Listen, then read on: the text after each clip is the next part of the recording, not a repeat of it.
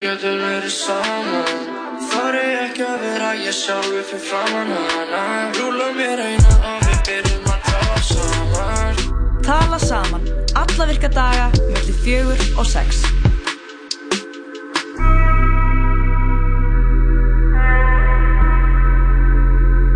Já, góðan daginn, kæru hlustendur. Kæru, Þið eru að hlusta á tala saman á þessum fallega 50 degi. það er Harriett, uh, Lóa Jakob hér með ykkur og já, aldrei að vita nema Joey komið hérna á eftir. Aldrei að vita. Það er náttúrulega flottu dagur í dag. Eða fyrir bandarækjumann. Já, 4. júli, þjóðatíðadagur bandarækjana. ymmit. Um, það er ekkert flóknar en það. Uh, hvernig stuður ert í Lóa? Hvernig stuður ég? Mm. Ég er í góðu stuði. Ég er einmitt að hugsa hvernig það væri að, hvernig er að vera bandarækjamaður í dag, skilur. Það er þessi dagur, en það eru rosalega margir ekki án, ánægð með Trump. Það eru þessar æsbúðir. En þetta eru vanalega frekar svona stór hátíðarhöld. Það er náttúrulega kostningabarátta hjá demokrautum uh, fyrir forval Mhm. til uh, fórseta frambóðs. Þannig að það er svona, það er svolítið byrjað á fullu núna. Ákveðin valkviði fyrir fólk. Já, uh, og það er svona, það er mikið húfi hjá Amerikunum. Þeir, það sem demokrátar þurfa að gera er þau þurfa að velja þann sem er líklegastu til þess að sigra Trump.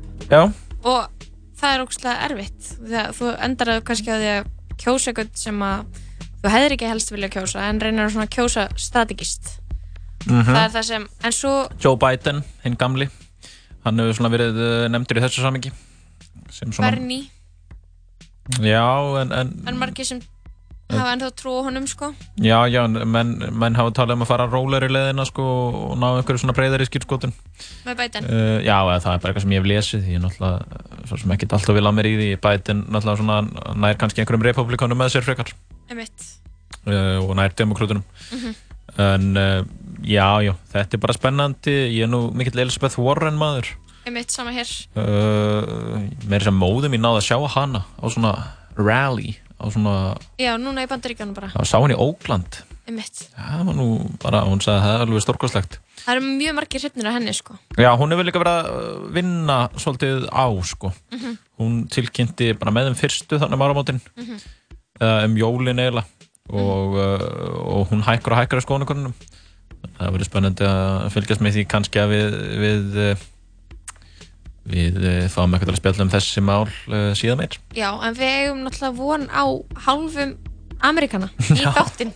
Það er ekkert annað. Hann er Thomas Ingi Shelton, hann er uh, ættaður frá bandaríkjunum Einmitt. og við ætlum aðeins að spyrja hann út í fjörðu, fjörða júli í hátíðarhöldin. Já. Svona ímyndi mína sem ég hef einu sinni verið í bandaríkjunum á fjörða júli. Mm. Það var svaka flugöldasýning og ímyndi mín af þessu er fjölskyldan að hanga saman og, og svona. En það eru einhverju sem að er ekki að fara að halda upp á daginn, sko. Ég tók um þetta því. Já, það eru nokkri íslendingar mann ég eftir í svona síðkvæmni tíðina Mm. sem svona mæta saman í jakkafötum grilla og eitthvað svona og, og jafnvel svona tala um byssulögjöf og annað. Hvað er amerískara heldur en það? Já, ertu að tala um þá ekki bandarískir íslendingar, heldur bara íslendingar sem um eru hrifnir af íslenska íslendingar sem eru hrifnir af bandaríkinum í alvörunni sko. Einmitt, einmitt, einmitt. um, það er svo sem ákveðið ákveðið hvað finnst þér um bandaríkinu svona almennt? Mér, Já, um, bara æðisleg, skilur og líka bara stundum Anna frekar meina- En það er bara bæði allt þarna. Það er náttúrulega, þetta er svona frekar fjölbreytt land náttúrulega, Ísland. En svo, 50 ríki. Já, og svo eru tónleikar í kvöld. Já, Likili, já, sænska pop stjarnan já, hún er svolítið mikil popstjarna. Hún ætlar að uh, heiðra okkur með nærveru sinni. Mm, GTRN, er hún að geta upp? uh, Jú. Þannig að ég held að þetta veri bara frekar skemmtilegt kvöld sko. Það er uh, hljómar ekkert leðilega ég var alveg til að vera bara að hitta upp fyrir likki líf vera bara tónlistamæður og, og vera bara í góðu stöðu einhvern veginn Akkurat. Og svo erum við með liðin þetta sökkaði. Já, og eftir. Þetta sökkaði verður á sínu stað. Djöfull er það hérna góð viðbót inn í þess að þetta okkar. Sammála. Við erum að hlusta á lagið I Follow Rivers með henni Likili sem að verður í hörpu í kvöld og óska bara á sama tíma fólki sem að er að fara að leggja leiðin í hörpu góða skemmtun. Já, Og bara- óskaðum uh, Er Það ekki? góðu skengis Já, góð, góð skengis í hverju, bara bara almennt, skemmta sér hóflega bara. Já, ég sammála. Ekki staðið að taka etru jam í kvöld. Það er ekkert af því. Ég stið það. Til að ég Follow Rivers remixið. njóttu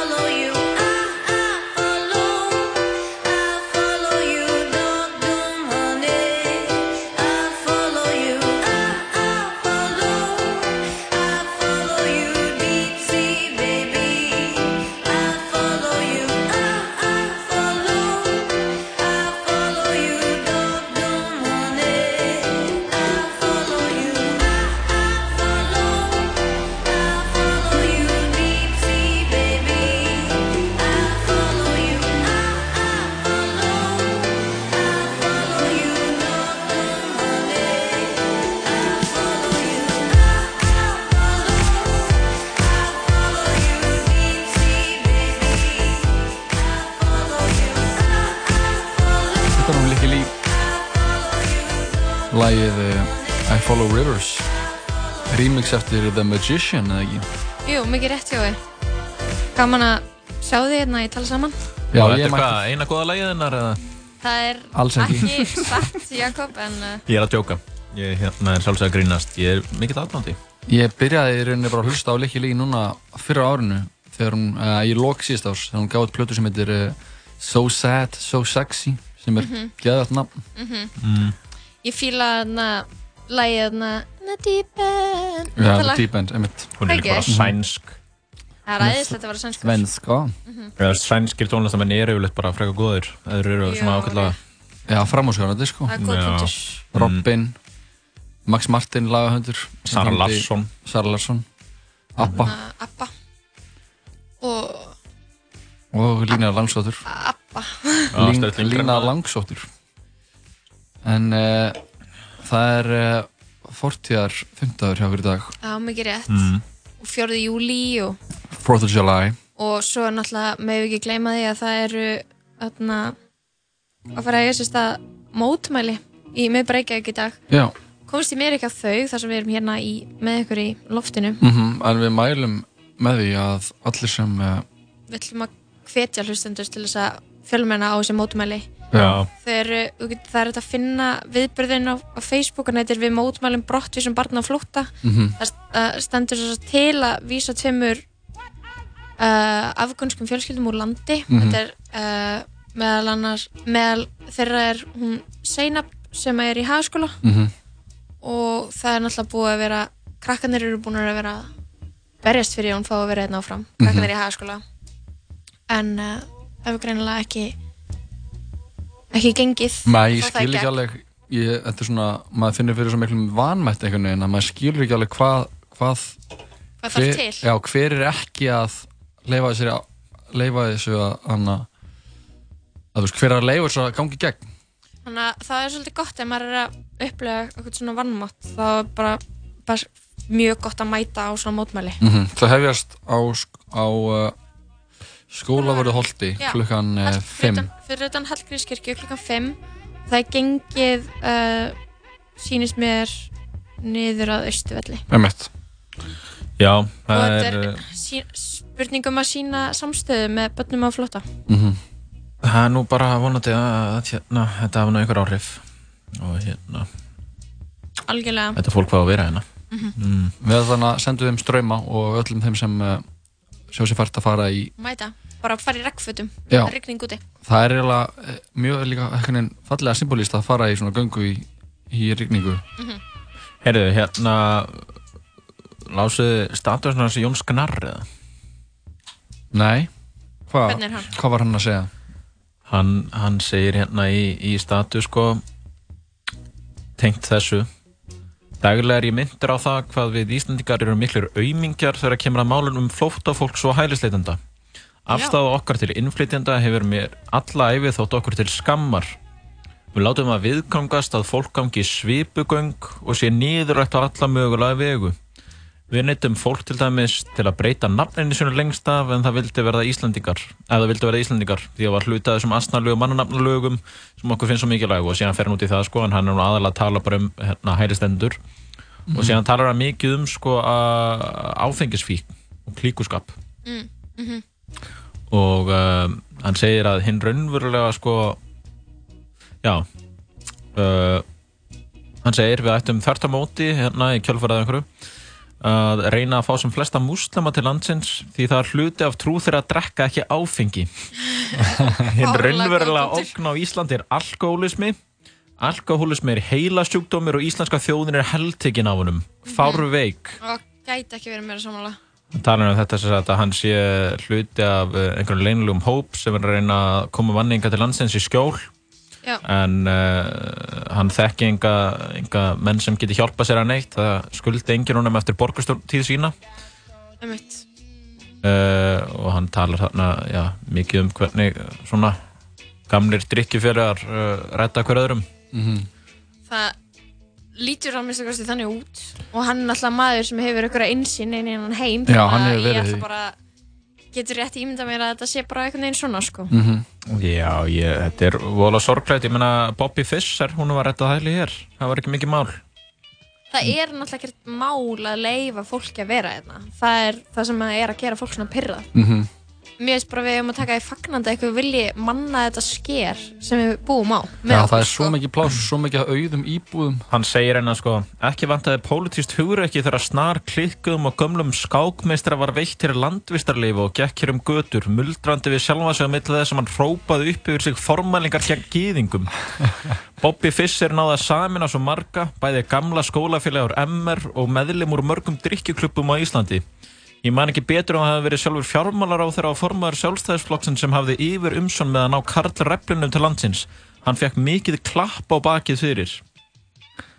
Þetta er náttúrulega, síðan heldur en enna áfram sko. Uh, ég heldur enga pólitíska greiða inn í á neinum en ef ég væri fulltrúi fyrir hóp af gömlum köllum, drikkjufélugum sem hefði verið saman í MR og ætti smá tengsl hinga og þangað þá held ég að við getum jafnvel náð R. Kelly til landsins Þetta er oh, takk Jóngnar. Já, þetta er, þetta er, þetta er þörf Þetta er savage og það er þörf á þessu. Já, ég sammála því sko Hróki og snopp fyrir nefnilega svo ofbúslega vel saman, bara svo remulega og tómatsósa. Hvori tveggja er líka hrært saman og er óta og minnumáttakend, en þá er áfengi líka tröstur og góður vinnur.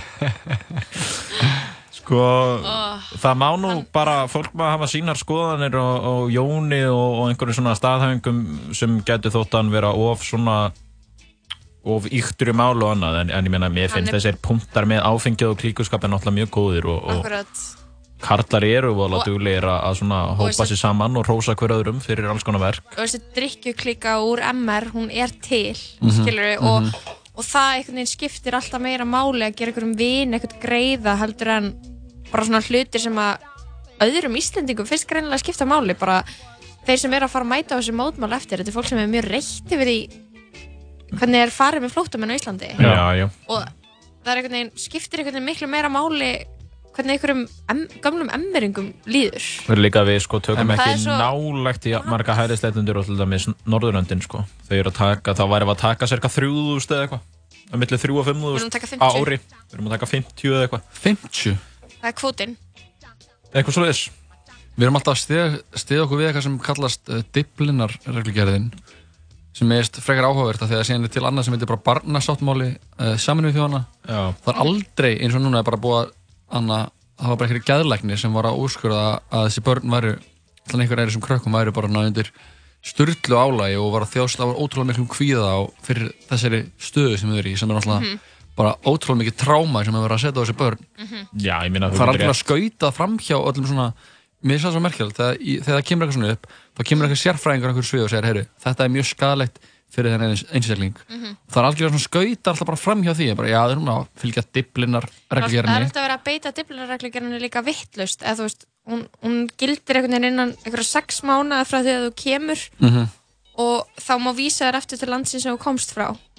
það er oft verið að vísa fólki miklu setna heldur en sex mánuði Ég var alveg til Þannig að hafa einhverjar útskýringar á þessu aðeins vegna þess að sko, það er mitt, maður er alltaf að tala um einhvers konar heimildir og annað mm. -hmm. veri, getum alveg heimil að mörgum að vera hérna ég, ég þór ekki að fara út, það, veist, ég, ég skil ekki þess að diflinarreglu ger sko.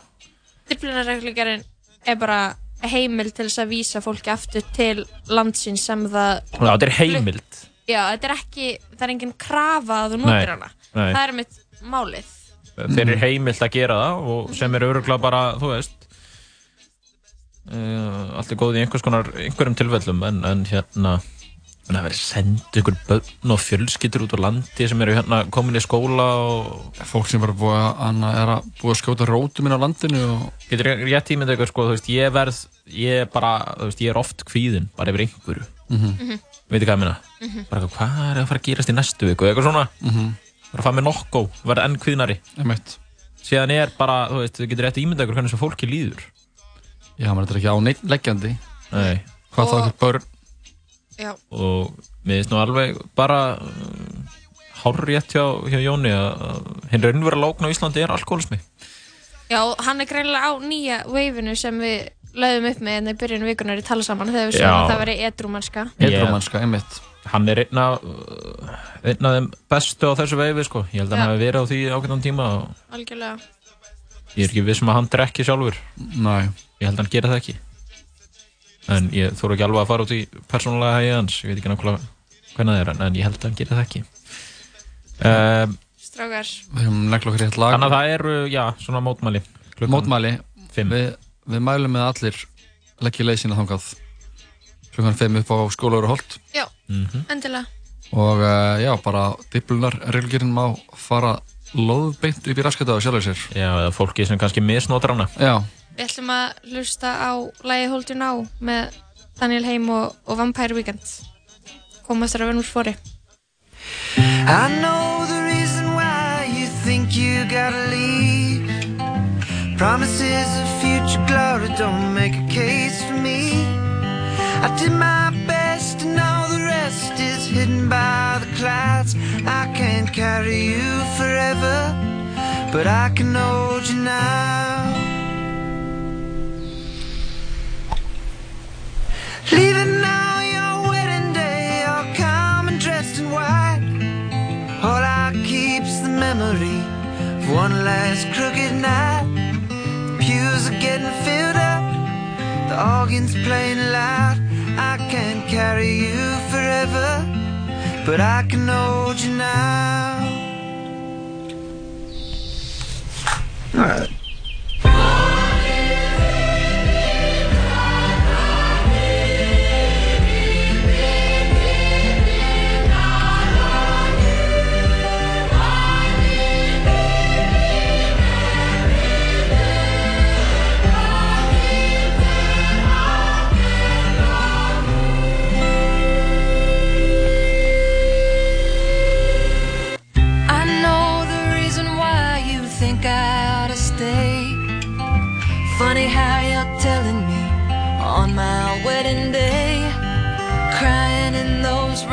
Sheets like someone's about to die. You just watch your mouth when talking about the father of the bride. Why's your heart grown heavy, boy, when things were feeling light? Turning this June morning into some dark judgment night. This ain't the end of nothing much, it's just another round. I can't carry you forever, but I can hold you now.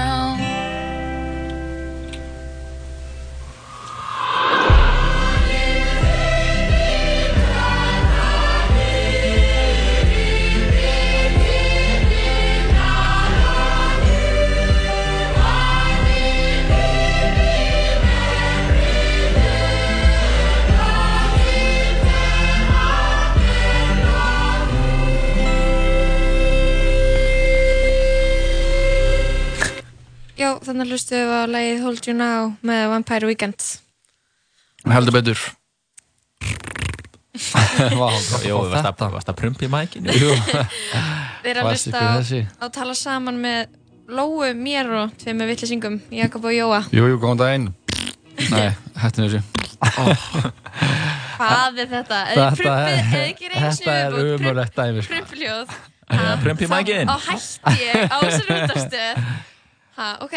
Ok, það er sko annað 50 dagur og það eins og dyggir hlustendur, hlustendur uh, þáttarins vita þá er oft svona 40 að 50 dagur Mm, já. á 50 og í, í síðustu viku þá uh, reyndar var það í morgunhættinu músli þá var ég með svona smá svona 40 uh, innslag um uh, tónlist sem kom út árið 2000 Mhm. og uh, ég ætla að halda þessu áfram Halda áfram þeirri vegferð. þeirri vegferð og uh, erum færð gleði og hamingju. já, og fjalla um sko, tónlist frá árið 2001 í þetta í dag Lurf. þannig að núna þar, til klukkan 6 í dag þá munum við spila lög frá árið 2001 Fíla. og sko árið 2001 var mjög merkilega því það, það er rauninni þá byrjaði ný öld Mm, já, það er ekki árið 2000. Nei.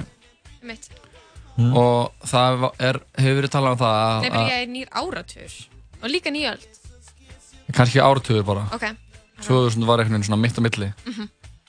uh, en uh, árið 2001 það eru margir sem hafa sagt það sko að árið 2001 hafi bæði besta og versta tónlistin komið út Ok. uh, það var náttúrulega svona post-grungeið Mhm. Nirvana liðundir lok svona stærstu þannig þú veist stærstu ár Smashing Pumpkins, Pearl Jam, Soundgarden og fleiri svona grunge banda voru svona liðin þú veist, það var svona í nendisinu Mhm. og það sem kom inn þetta svona post svona, það var einhvern veginn á millið sem var að háskólarock og svona grunge Mm. uh, hljómsveitir á borfið þannig uh, hvað er þetta hljómsveitir sem gera þannig Look at this photograph Nickelback. Nickelback Nickelback, það er algjör 2001 dæmi sko. Ok. Alls og en ofan á það náttúrulega það er, við erum að tala með hann, þetta post-grunge tímabil sem hann var bara að mörgum tali eitt okkar allra versta þá er líka stórkostlega pop að koma út á þessum tíma Mhm. og Britney Spears er hann í full swing Destiny's Child er eitthvað ótrúlega ótrúlega stert tímabil Mhm. gefa út uh, Survivor af bestu lögunum. já, Independent Women uh, Jakob Gorillaz koma líka fram á sjónsvið Mann, með mjög svona spes tónlist, ekkert en öðruvísi. Já, hann alltaf uh, hann uh, félag okkar Damon uh, Albarn. Damon Albarn er svona færir sig úr blur sem var einhvern veginn þetta Britpop Mhm. yfir í uh, það sem er meira svona átti meira rætur að reykja í svona hip-hop Mhm. sem þetta Gorillaz Project var Já. og uh, með Indið átti gott ár árið 2001 ég held að kom hann ekki út á hann myndir með Zach Braff, hvað er hann aftur? Garden State, Já, er hann ekki 2001, ég held að. Þannig að það er mjög mikið af alls konar músika Mhm. og uh, við ætlum að hlusta á lög frá þessu ári núna í þettinum í dag. Já, hvaða lagi er við að byrja? Við ætlum að byrja þetta bara á uh, Survivor með Destiny's Child. Þegar að við komum aftur þá uh, verðum við komin inga með hann Tómas Inga Shelton. Mm -hmm. Pappans er bandarískur Já, og hann er Akkur þetta hlæja mig, Jakob ég, ég veit það ekki. og hann er að hann ætlar að segja ykkur hvernig það er að halda upp á 4. júli í bandaríkjunum Já, þannig að þjóðatíða dagur bandaríkjamanna í dag 4th of July þannig að við uh, auðvitað 40. 50. haldum upp á það líka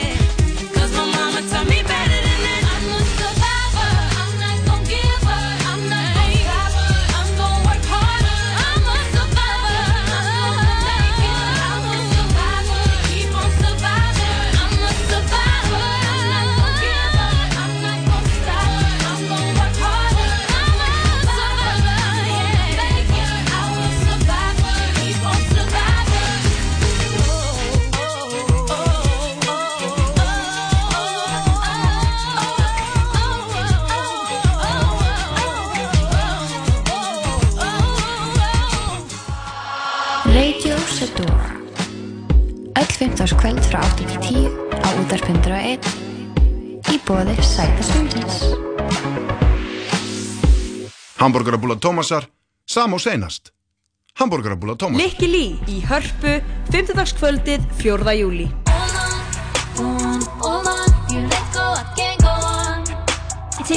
I. Origo og Bryggjan Brugghús Landsbankin kynni Stock chose you. Eftir atbyrði Avengers Endgame þarf Spider-Man að stígu Are you going to step up or not? til að takast á við nýjar ógnir í heimi sem hefur breyst að eilífu. I don't think Tony would have done what he did if he didn't know that you were going to be here after he was gone. Spider-Man Far From Home frumsýn 3. júli Barnaherbergi á öllum stöðum Fylgist með okkur á Twitter og Instagram at 101 Live Radio. Já, þeir eru að hlusta á Tala Saman og við erum komin með hann Tómas Inga Shelton til okkar. Hann er, hvað ég segja, sagfræðingur, gæt, bandarækjamaður. Já, Verstu hjertalega velkomin. Jú, Hvað seg- takk fyrir. Hvað segiru? uh, mjög hress til nú dagsins. Gleðilega hátíð. Takk sömuleiðis. Gleðilega hátíð, auðvitað. Ángríns, vil ekki. Erst, erstu eitthvað að fara að halda upp á 4. júli í dag? eða? Sko, svo sem er ekki mikið í dag. Nei. Ég fylgdi útláta morgun, það er eiginlega pakki í kvöld, en hann að venjulega myndi ég fagna því. Venjulega er ég í bandaríkjum sko 4. júli. Já, hva, hvernig, hvernig er það þegar þú ert í bandaríkjunum á 4. Hvað ertu að gera? Um, þetta er þetta partí ársins í bandaríkjunum Mhm. og það er bara, það fyrir þetta í hvar þú ert sko, en það er alltaf því líka hátöldum daginn sko. Mhm. Bandaríkjumin elskar parade 4. júli sko. Já, já, Ok. svona stórar blöður. Já. Eða ekki? Jú, Maður sitt alltaf í bíomöndum, svona risa blöður og einhverjum svona... Já, já, það er í stóru borgunum sko. Já, já, já. Það er alveg risastórt sko. Já. En svo líka alveg gaman að fara í einhvern lítinn bæ í svona parade. Mhm. En það er svona, þetta er að skrúleira sko. Svona homemade. Svona homemade og það er fólk bara á einhverjum pallbílum að kasta nammi til krakkana og eitthvað svona sko. Ok. Allt í fánanum með þetta. Mhm. Það er bara, það er venjulega allt í fánanum með bandreikunum. Þetta er svona, í kannan að lýsa þessu sko. Það er bara hægt að fá hvað sem er með bandaríska fánunum á. Hvað sem er. Já. Ég Hvað var er það tímann sjúkasta sem þú... Já, ég var einhvern tímann í parade, við vorum með gamlan pallbíl Já. þannig að ég var í paradeinu, skiljum við að fara niður við klættum í bandarska fannum top to tower, bara Mhm. sokkar nærbuksur, bindi jakki, allt saman skiljum við Já. enginn kipti sig upp í það það bara, ég ekki eitt komment á það sem eiginlega pyrraði mig sko. en það var bara svona gaman blessaður, Já, ok, já en það var ógæslega fyndið sko, ógæslega gaman Hvaðan ertu í bandaríkjunum? uh, sagt ég fættist í Chicago Mhm. og hef svona oftast verið þar eða í kringum það svæði sko Mhm. Illinois. Illinois já Ok. En hefur þið búið í bandaríkjunum eða? uh, Nei, raun ekki Ég flutti inn þetta einsás Mhm. en svo fór ég alltaf og var allt sumar úti alveg þar til ég var þú veist ég er í 18-19 sko Ok. en ég var alltaf öll sumar þannig í svona 2-3 mánuði Þannig hefur haldið upp á freka marga 4. júlía. Já, ansið marga sko Manst eftir þegar þú svona upplifa- upplifir fór júli fyrst, um, Ég veit ekki með alveg fyrst en þegar maður krakki þá var þetta bara svona það var bara stemning skilur að fara eitthvað út og fullt af nammi og síðan þú veist það er alltaf borðað sama líka Hvað er borðað á 4. það er bara grill þú veist, ef þú getur ekki grillað þá máttu ekki borða það. já, það er bara barbecue. Einmitt. Mhm. og þetta er alltaf skilur pulsir og bratwurst. Já. Einmitt, það er alltaf bara gæðin bara eitthvað do you want a hot dog or brat? Já, brat. Brat, það verður að brat. Já, það geggjað dæmi sko. Og er ekki bandryggi með nokkuð svona stoltir af þessum degi? Hérna, þú veist, það er, þú, maður finnur það alveg þú ferð út, það er svona þjóðarandi. Já, þetta er alveg klikkað sko. Já. Hann er alveg, hann er þetta vennilega baldur lasinn sko En sérstaklega 4. júli sko Mhm. Þá er allir bara, já, all in sko En er einhverja breytingar með tilkomu Trump til dæmis, hefur það um, Ég veit ekki, hann er búin að plana einhverja rosa parade í dag Já, Já. þar sem hann er að koma skriðdrega eitthvað svona lætið sko Guðminn góður. Já, ok. sem ávist að kosta eitthvað ég sagði, þetta var eitthvað svona 92 miljónir það sem hann er að plana já, bara fyrir þú veist 4. júli Bandaríkjadólar. Já. Já, ok. Sem er alveg vangið sko Já.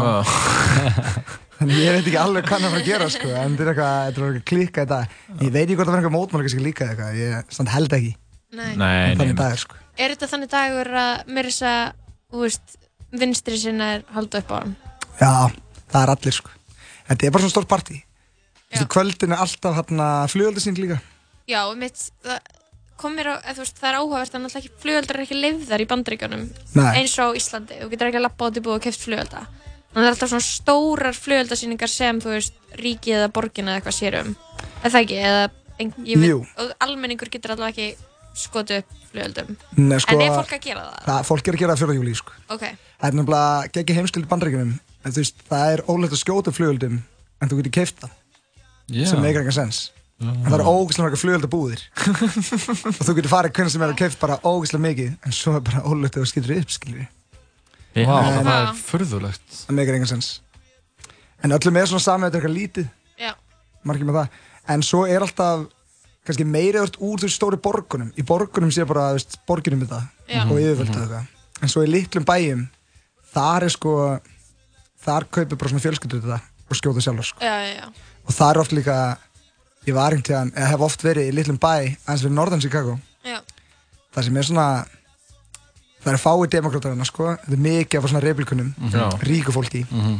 og þar er bara keppni um að vera með bestu flugöldsýningu Aha. það er allir sem kaupa Einmitt. og fara út á bryggjuna þeirra alltaf við vatnið sko Já. og allir skjóta upp og þú veist, ég hef heyrt bara að þau eru að kaupa fyrir sko 20.000 dollara bara fjölskyldan sjálf Oh my god af flugöldum þetta á að vera grand sko Já, wow þetta er alveg klikkað dæmi sko Hvað er það mikið í íslenskum krónum? Um, Eitthvað já. mar- eða þú veist, tugir miljóna? Nei, marga miljónir marga milljónir Ok. það já. alveg, er Þannig að fólki er hann að keppast í smábæðunum um að, um að vera með bestu flugöldasýningunar Já, þú vilt þetta vera þú veist, fjölskyldan sem fólk er að tala um bara hjá og mannstu þér hérna The Johnsons Já. í fyrra skilur. það er alveg það gleymist ekki sko Það er mitt En þannig að þú hefur upplegað bæðis þetta í borg og svona minni, Já. minni bæ. Já. Áttu ykkur á svona, var, hefur, hefur lendið ykkur svona eftirminnilegu í, í öðrum kórum? um, Var eitthvað svona, eitthvað eitt fjórið júli sem hefur alltaf setið í þér eða? Þetta er góð spurning, ég veit það ekki hann að það er allir skemmtilegir sko Mhm. það er alltaf gaman, bara Já. saman hvað það ert Færðu Um, aldrei svona eitthvað Nei, Ekki? Ég hef oft verið svona eitthvað oh, here we go, eitthvað svona sko þetta byrja, Já, en svo er þetta alltaf bara gaman. Og það er svona dregst inn í þetta sko. Já, ég fór einhvern veginn á hérna hafnaboltaleikundar og Já, það var Oh my god, það trú ég að sé mikið stemning. Nei, það, öll liðin spila alltaf 4. júli, það er svona tradition sko. Já. okay. og það er klikka sjó þá. En það er venjulega sjó fyrir leiki. En þarna, þú veist, fugelsýningi byrjun leiks. Mhm. og já, herin kemur líka alltaf og er með sjó. Á er já, bara eins og þegar hann að þjóðsöklunum í gangi. Já. þá í þú veist klæmaksuna á söngnum þá koma hermenn inn á hérna, hvað heitir það svona parachute. Fallíf Fallíf inn á völlin sko. Og síðast er alltaf með risa fána fyrir aftan sig Já. svona dragandi niður skilur á meðan hann er að klára síðustu nótuna skilur Já. Það var trillt sko. Vá, hvað er drú þetta hljómar. Svo skemmtilegt, sko. Þetta sko, Þannig að þú hoppar úr einhverju herþótu já, með parachute inn á einhvern hafnaballleiki já, já. Og svo fara þóðnar yfir skilur og allt þetta. Gera einhverju svona ringi já, já. Af hverju vikingasveitin ekki gera þetta heima? Bara yfir Arnarhóli. Hverju, hverju er verið að fagna á 4. júli? þetta er þetta hérna sjálfstæði, bandreikina lísti yfir sjálfstæði 4. júli 1776 Mhm. og við bara stiðmagnast út í eitthvað risa jam sko Já, mitt en þetta er aðal dagurinn í bandreikinu sko bara Hvernig er fólk að fara tjá með svona kvöldi til, er, veistu það eitthvað? Eru skemmtist að rokna lengur eða eitthvað svoleiðis? Uh, Ég held sem meira þú veist partí frekar en þannig er og eitthvað svona Já, sko. já, já. Ég held það, það er Já. allir svona saman og, Já. og oft bara svona stór fjölskyldupartí eitthvað Mhm. En já, það er alveg Einmitt. Það er verið að drekka sko Það er verið að drekka. Já, já, Verið að sull í sig. menn það smaka Ég held að þetta með neglið eitt lag, sko. Það er hann að- með Bruce Springsteen, Born in the USA. Er Já, það ekki geggjað. viðandi fyrir... Erstu Springsteen maður að Já, sjálfsög Ég held ég aldrei farið júli án þess að lusta Bruce Springsteen Þannig að, let's go Þetta er Born in the USA Já.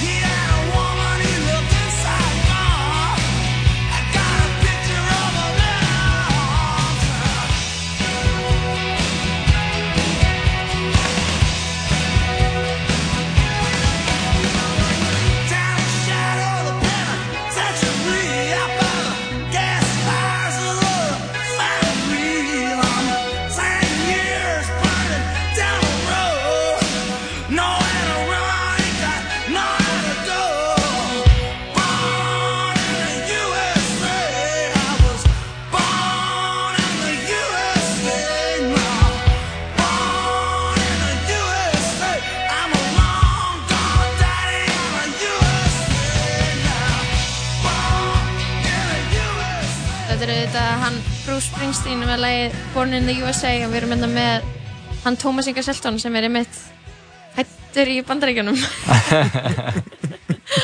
við erum búin að vera, búin að vera að spjalla við hann um, um hátíðarhöldin sem að fara, eru örugglega bara að fara á stað núna, Já, eða ekki? jú, alveg komin kom- að fullt sko. Kom, komið nýr dagur í bandaríkjunum og fólk bara að undirbúa grillinn og skrúgöngunar, Mhm. hafnaboltaleikina. Mhm. Er eitthvað svona rútín á daginn eða vaknar maður og er maður bara, eða þú veist, byrjar bara gýrunin strax þegar maður vaknar eða þegar fólk bara út og byrja strax að hana afþýða vústinn og, Jú, jú, og the dogs og, Já, já, það er enginn að sofa út sko. nei, emi Ég hef oft farið í sko, það er mjög algengt uh, Ég hef oft farið í eitthvað svona 5 km hlaup og eitthvað þannig Snemma morgun ok, sko. já, það er stemming Klukkan nýju eða eitthvað, vatna allir, fara saman í það Mhm. Klára og það var allir feskiskilu og byrja daginn eitthvað Mhm. Það er alveg mjög skemmtilegt sko Mér líður sko, ég er farin okkur til bandaríkjana og ég sef aldrei út er þar. Nei. Ég vakna alltaf bara svona svona bara klukkan sjö eða eitthvað og er bara, ok, nú er dagurinn byrjaður. Er þetta, er, er kannski minna að vera svo út í bandaríkjunum? Er það kannski, þetta er erfið spurninga? Já, það er svo mikið að gerast þannig skilja Já, einmitt. Að það er svona eitthvað, já En Ég, sama, alltaf ég fyrir, það er bara, maður vakna einhvern veginn bara snemma sko Já, maður ríkur bara upp. Já, Það er líka að vera í svona stórborgum, þú veist, maður er náttúrulega vanið að vera hérna heima og maður er eitthvað vaknar og snúsar, maður snúsar ekkert þegar maður er bara eitthvað í stóra eplinu eða Chicago eða eitthvað. Nei, ekki sen sko. Líka kaninn, þetta er eitthvað, já, þetta er alveg rétt. Hann er miklu meira að fara snemma að ferð og þú veist. Árrisull. Já, og alltaf, þú veist, eins og þegar ég fær túristæðina til minn hérna bandrækjumenn Þau eru alltaf bara að og bara eitthvað. Það no, no, a breakfast place eitthvað, hver Hvað er það á Íslandi, sko? Ég veit aldrei hvað ég að segja við þig, sko Það er bara prikið, það er náttúrulega alltaf Það er náttúrulega gráði Já. kötturinn. Gráði köttur, já. Stendur þessa vakt. Já, hann loka bara í hátteginu Já. Er það málið? Við þurfum, við þurfum dænir að stemminguna, sko. Já, samla 24 klukkustunda að- fá sér bara svona stóra máltíð bara klukkan svona 5 um morgun Já. Já, það er alveg Hvað er eitthvað sem er í bandaríkjunum sem væri mjög til að væri á Íslandi? Bara almennt, eða? Já. Wow. Það er alveg rétt, sko um, Ég veit það ekki, sko Ég held ekki um til að segja dænir að sjálf og svona að sitja inn á stað og vera alltaf að fá áfyllingu á kaffið mitt. Það er endar, já, þetta er góða búndur Þeir spyrja ekki mér þess að sko Nei Það er bara kaffi. Já, já Here go hann Já. sull ofan í bollan Það er það sko. Já, ég veit ekki, ég sakna alltaf sko Hafnabóltaleikina Ég er mikil hafnabólta maður sko. Mhm. Já, Þannig ert eitthvað svona það. sportevent. Það er svona eitthvað að því bandreikunum, þú veist, fólk fyrir á leiki Það er enginn að horfa á leikin sko. Nei. Það er bara að chilla sko. Já, þetta er bara sjóið bara. Já, og bara þú veist, maður er að fá sér bjór og já, mat og lappa á milli Já, og corn dog. Corn dog. Já. Og þú veist, taka myndir og þetta er bara svona stemning sko. Einmitt. Þannig að svona, mér vanda það, þú veist, maður nefnir ekki að fókballeik í káurstúkuna eitthvað, blessaður eitthvað, þú veist, maður er bara svona sitjandi eitthvað, Einmitt. en þarna er á vappinu og eitthvað svona, sko. Já, vanda þá stemningu og svona, Ég held að það sem vantar bara til Íslands frá Ameríku er stemningin almennt já, þetta er rétt. að þeir eru gýrunar kongar sko. Já. Ég fór á NBA-leik núna, ég var í New York fyrir uh, tvei mánuðum og það er bæði náttúrulega svona cheerleaders og síðan er gaur með byssu að skjóta bólum og, uh, og síðan kemur hermaður það, ég held að sé alltaf þannig að ég allan hef farið á tvo NBA-leikjum það í Já. bæðiskeitin hefur komið ykkur hermaður og er bara, hann er komin aftur og við erum bara eitthvað velkomin heim bróðir Sko, það er alltaf herminn öllu svona, að því að bandaríski herinn borgar liðunum fyrir að meiga vera hana. Já, það er málið Já. Ok. Líka hana 4. júli, þau bara borg, bara liðin fá byndi vasan pening fyrir að leifa hernum að vera hana, sko. Já. Já, þeir bæta ímynd og- Já, þetta er bara auðlýsing, sko. Þetta er bara samstarf. Já. bara herin er bara í samstarfi. Vá, vita vissi- bara að allir að horfa skilju þannig að það er bara alltaf auðlýsing fyrir herinn sko. Einmitt. Það er gott. Ég var líka til að hafa það sem er í bandaríkjunum þegar þú ferð í apotek að þú getur keift bókstaflega allt í apotekinu. Já, bara, Bara síkaretur Já, bara, Nei, bara þú getur keft bara blíjanta, bara alla skrifstofurur, áfengi, brauð, Já. blí, strógleður sko. hilki, já, ljósutuna blek. Emitt Mér finnst það svo mikið stemning að það er bara svona I have to go to the pharmacy and pick a few things up. En ert þú að fylgjast eitthvað með uh, já, svona komandi kostningum þannig í bandaríkjunum? Svona forvalinu hjá demokrautum þetta er bara svona nýbyrja sko. Já. ég þekki ekki öll nöfnin sem Nei. er að bjóða sér fram en þá en, hérna, en jú, svona helstu maður er búinn að fylgjast með Mhm. og þetta er svona, ég held að verða alveg frekar spennandi ég veit ekki hver að fara að taka þetta demokrata megin Nei, þú ert ekki með eitthvað svona, þykir ekki eitt sigurstrangleir en annar. maður veit aldrei sko Það er volið að segja svona snemma Já. kannski ég er alveg mín uppáhald en hann að Hver maður er veit þín, hver er þín uppáld? ég held mikið upp á Elizabeth Warren Mhm. Mhm. ég vona að hún hún á, skilur svo miklu mér að kredit en hún fær sko Mhm. Já Kamala Harris er líka mjög nett Mhm. um, og þetta Bernie er flottur en Bernie er samt svona ég eiginlega vona að vera ekki Bernie eða Joe Biden sko Já, En þeir eru líklegir. þeir eru nefnilega líklegastir akkur núna held ég sko Já. en já En það, Já. segð þú. Heldur einhver getur unnið Trump eða? ég myndi að halda allir en maður veit ekki sko Nei. en hann að Það er engin republikan sem býður sig gegn á móti Trump. nei, nei, nei, það verður bara Trump sko Já, ok. en það er oft erfitt að fara í sinni fórstað því að núna getur republikanir farið bara í alla frambjóðuna hjá demokratin Já, þau þurfa ekki að vera pælinett í eitthvað, hans kampænin eitt, hann er bara með Nei, besta CV-ið, bara. Búin að vera fórseti. Já, það er bara að býða sko. Já. þau fara þá hjóla í alla demokratuna og finna eitthvað skýta þau og láta þau slást við hvort annað sko. Mhm. en ég vona að vera ekki of blóðótt á milli þeirra. Mhm. en þá getur Trump tekið þetta aftur sko. Já. Hvernig eru kostningar aftur, sem svona, milli, fara aðalkostningarnir, er það ekki? Í Oktober eða eitthvað? 2020 er það hvað er það? September, oktober? September, oktober. Nóvember held ég alltaf Nóvember, já. Já. Fyrst, fyrsta fimmtudaginn nóvember eða eitthvað. Eitthvað þannig Og sko þú kýst, eða ekki? Ég- Jú, ég kýs alltaf Já. bara hérna á Íslandi sko, já Hvað hva kaustu senast? Ég kaus Hillary senast Ok. Ég held að fara með þetta sko Ég horfði að kostningabartum en að. Já. Fór að sofa eitthvað svona að sofna óvar klukkan svona eitthvað 2-3 Mhm. og vaknaði klukkan 7 þegar var komið að reynd að Trumpa henni Já. Hjælt mér að dreyma. Og vaknaði sinna aftur okkur morgunin seint og fór í vinnuna og eitthvað lalala og séð var einhver bara "Hey, Trump vann. Trúðis ekki sko. Oh my god. Þetta var svo farlegt Ég man sko, þetta var í gangi þá var ég að fljúa aftur heim frá Japan. Já, og ég var líka 100% vissum að Hillary myndi vinna. Að- leit þannig út. Já, það er ekki rétt hjá mér að var ekki, hún var sterkari í skoðanakönnunum. Já. og umræðan var einhvern veginn bara hvað Trump, Trump var að glata þér þannig að maður var bara, nei nei veist, það er ekki fara að gerast að hann vinni. Og bara eitthvað, kefti mér eitthvað wifi í einhverju nýju tíma lungu flugi til að tjekka og bara eitthvað kíkt á síma minn og sá Trump var hann fórseti og ég var bara eða veist, þetta, það, var, það var svo mikil vonbrið, það breyttist einhvern veginn allt á þessu mómenti, það sem að Já. hann er hann fórseti Mhm. eða þú veist, það er við erum ánum gett vön því núna skilur en það var svona, þetta var mjög mikið eitthvað, ha, Já, við moment, stíðum sko. bara in, into the simulation, sko. Já, Nú að vera það nefnilega. síðan, sko. Hann vann bara réttur ríkin einhvern veginn. Já, mitt. Náði, náði söðan undir lokin. Það var líka að því hún var að vinna svo stórt í skoðanakönnunum Já, einmitt. Það eiginlega hjálpaði henni ekki Svo margir sem það bara svona eitthvað að þetta er komið Þetta er komið, já. Svo Já, var það bara ekki komið Heldur að það hefði gerst Ég held það, því það var alveg svona rétt fyrir kostningar Mhm. var það alveg svona 57-43% í mörgum skoðanakönnunum sko. Eru einhverjir sem eru Trump stuðningsmenn í þinni fjölskyldu út í bandarækjunum? uh, Ekki í minni fjölskyldu per se en alveg í svona vinafólki fjölskyldum og pappi minn býr líka núna í litlum bæ rétt fyrir utan Chicago sko. Já. það er svona daldi republikana staður sko. Mhm. Og það. Og hvernig eru þá samræðinar, þú veist, eru þið eitthvað tímann að ræða pólitík þegar þú ferð í bandarækjuna? Raun, nei, reynum að forast það sko. Já. en republikana halla líka Trump sko. Alla, Já. allir sem ég þekki ég hef ekki farið hana mikið í suðrið eða eitthvað þar sem hann er hann stærri sko. Nei, mitt. en þeir bara svona það var svo mikið skilur bara, já, bara ekki Hillary bara kjósa gegn henni skilur Já, já, Ok.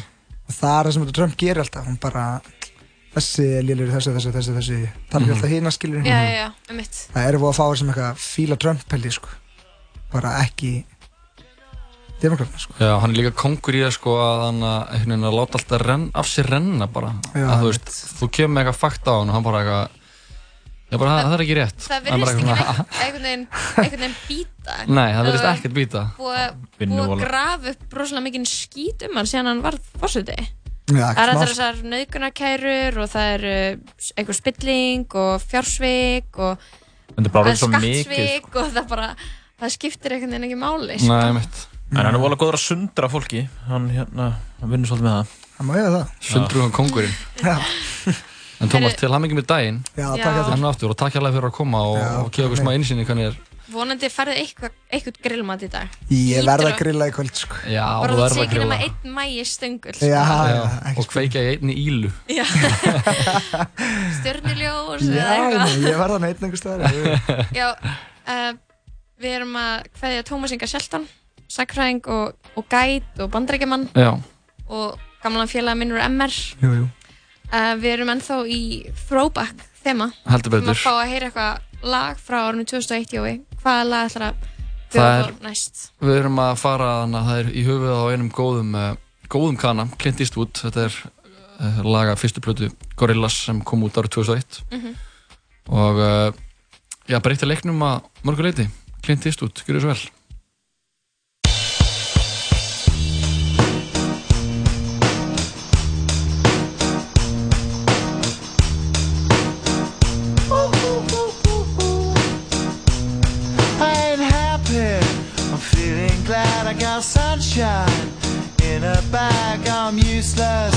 but not for long. The future is coming on. I ain't happy.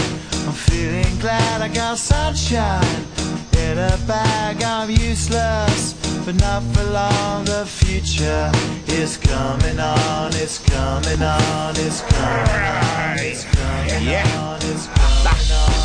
Finally, someone let me out of my cage. Now, time for me is nothing cause I'm counting no A's. Nah, I couldn't be there. Nah, you shouldn't be scared. I'm good at repairs and I'm under each snare. Intangible. Bet you didn't think so I command you to. Panoramic view. Look, I'll make it all manageable. Pick and choose, sit and lose. All you different crews. Chicks and dudes who you think is really kicking tunes. Picture you getting down in a picture too. Like you lit the fuse. You think it's fictional, mystical, maybe spiritual hero who appears in you to clear your view when you're too crazy. Lifeless to those the definition for what life is. Priceless to you because I put you on the hype shit. You like it? Gun smoke, you're righteous with one toe. You're psychic among no possess you with one go.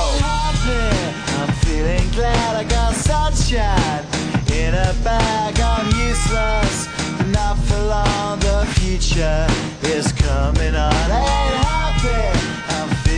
Glad I got sunshine in a bag. I'm useless, but not for long. The future is coming on. It's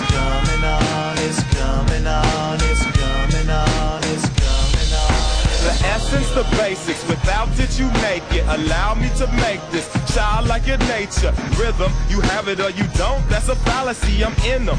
Every sprouting tree, every child of peace, every cloud and sea. You see with your eyes and see destruction and demise. Corruption in skies from this fucking enterprise. Now I'm sucked into your lives through rust. So not as muscles, but percussion to provide for me as a guide. Y'all can see me now cause you don't see with your eye. You perceive with your mind. That's the inner. So I'ma stick around with Russ and be a mentor. Bust a few rhymes so motherfuckers remember what the thought is. I brought all this so you can survive when law is lawless. Feeling sensations that you thought was dead. No squealing. Remember that it's all in your head. Ain't happy. I'm feeling glad I got sunshine in a bag. I'm useless, not for long. The future is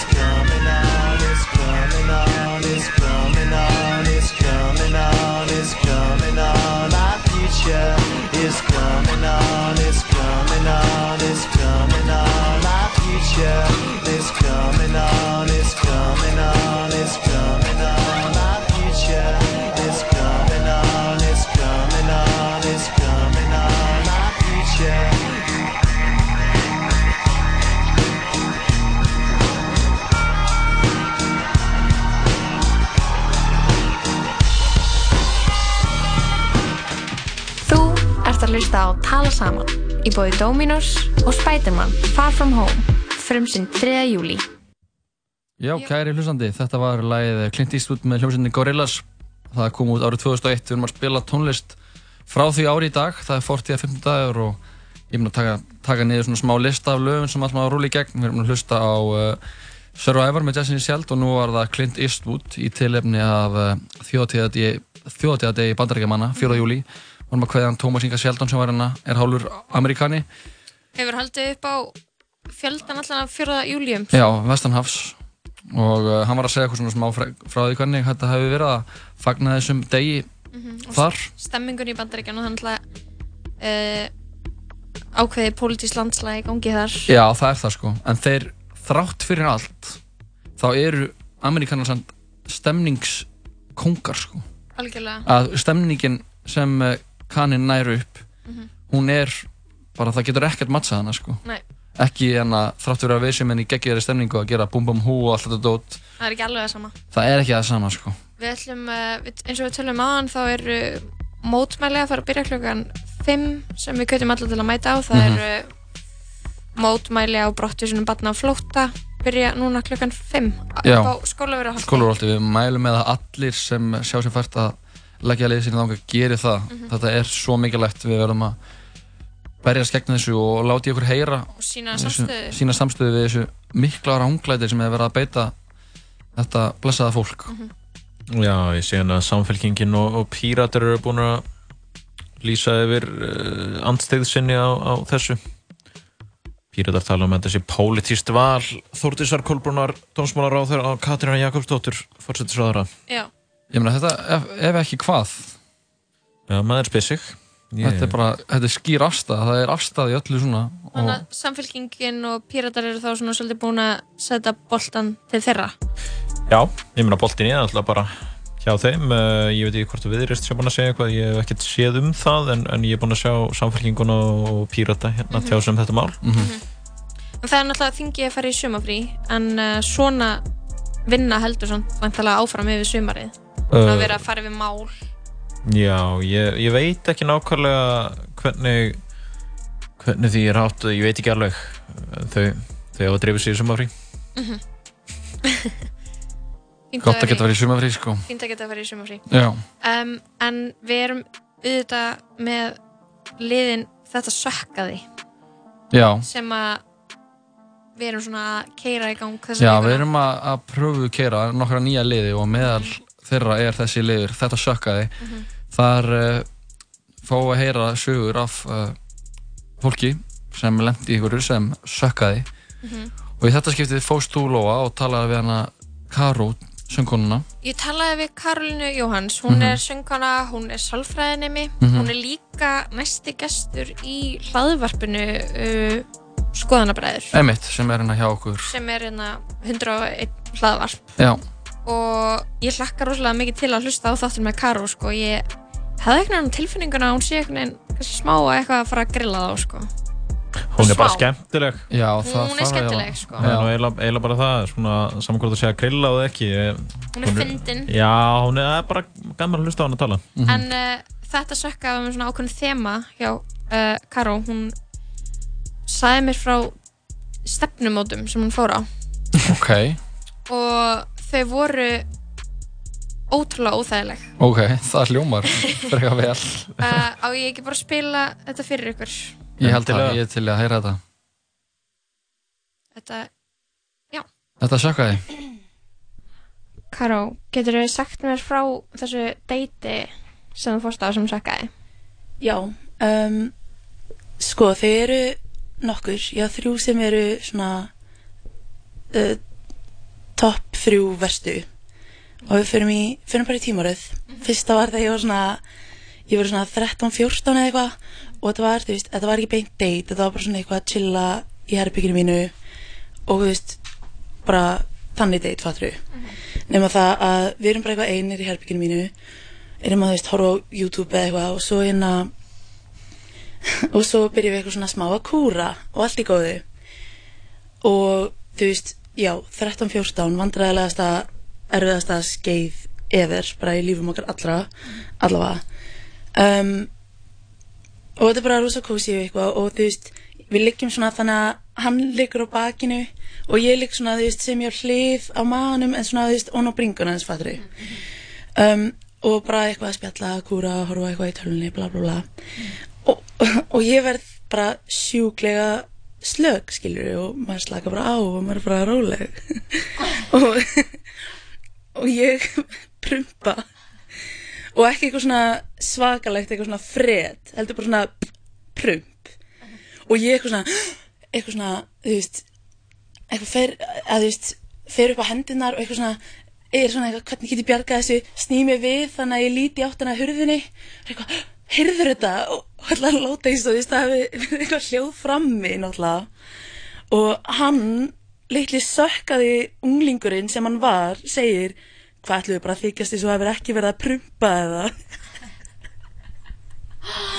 Oh my god. Og það er ekki bara að leifa mér að þykjast. Oh, æjá, það var, já. Þetta er svona já, saga sem þú veist, þegar maður er alveg að sopna þá allt í hennu manni þetta og svona, oh, cringe og svo, já. Veist, það er ekkert það vandrarlegt að prumpa. Nei, en þú veist, að þetta, þú veist, ég var 13 eða 14 ára og þetta var fyrsta sinn sem við vorum eitthvað svona date chilla, skil frekar slæmt.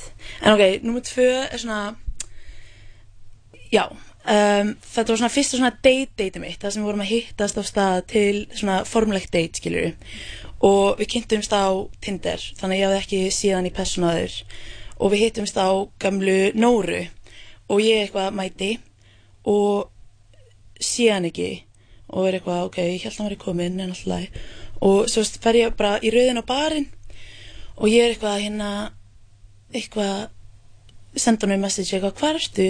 eitthvað, ég held að vera komin hann eitthvað, já, ég er hérna og ég eitthvað, ó, ertu komin með borða?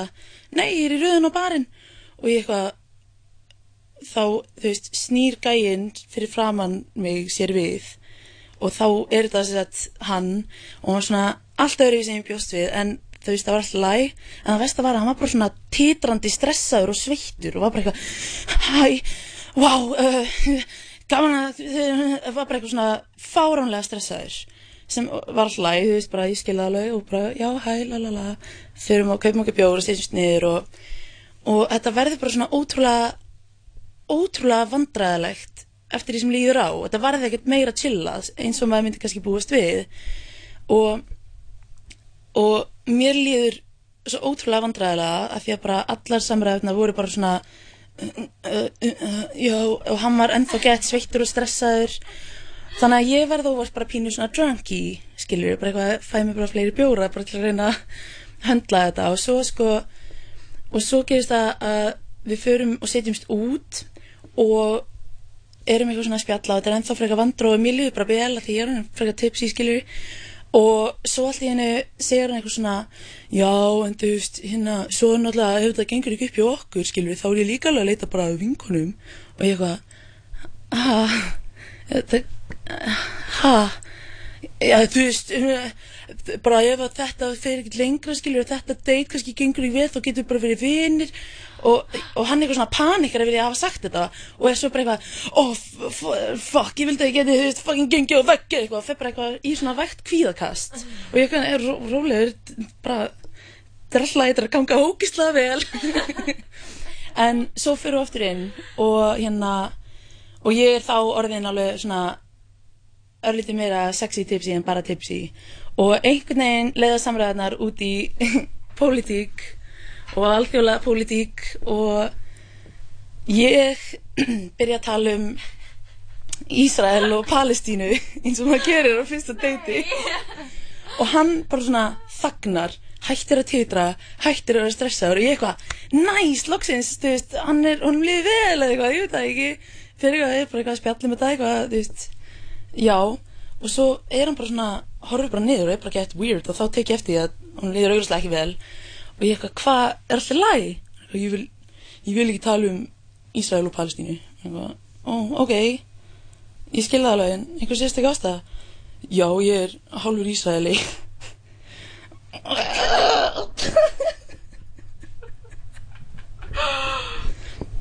Oh my god, þannig að þú Já. Já Er þetta tvö verstu date sem þú hefur farið á? það er já, en það er eitt sem er svona já, það er svona nýlegasta sem vinum mínum finnst allavega vest sko.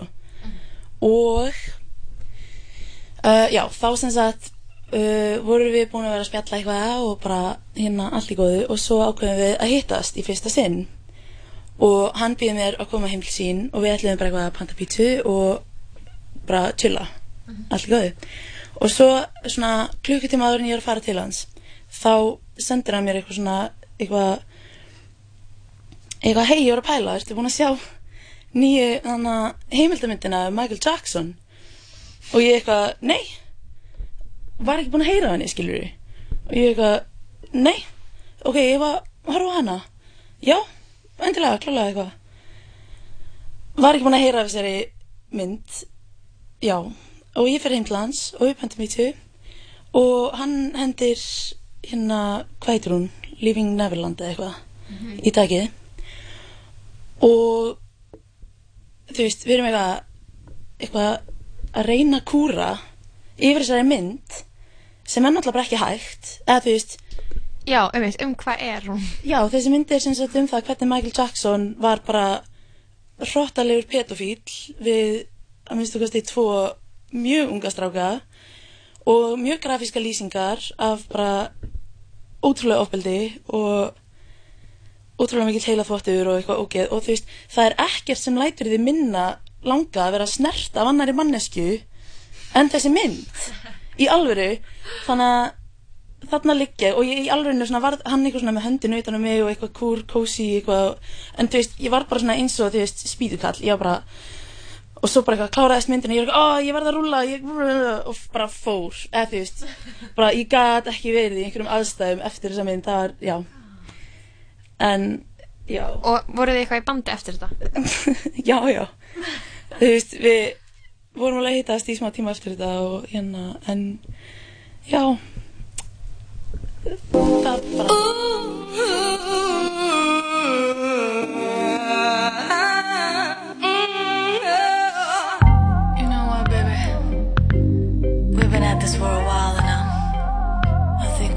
face the facts that uh, it's inevitable, and I just gotta tell you how I feel.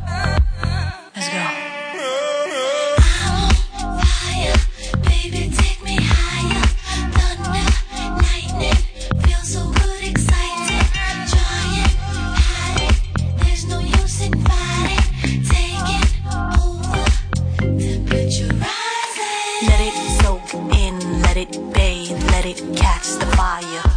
Let it marinate, sit with it till it flames. Let's get lit with it until the haze. Rock not stopping it cause we crazy. Let's get lost tonight. You can be the boss cause I'm off tonight. And wrong never felt so right tonight. Chill by the candlelight and count the ways. We get heated, feel a buzz for days. Is what we need, it can't fight the blaze. No restraints cause a heart thumping, mind numbing, soft touching, heart tugging, blood rushing.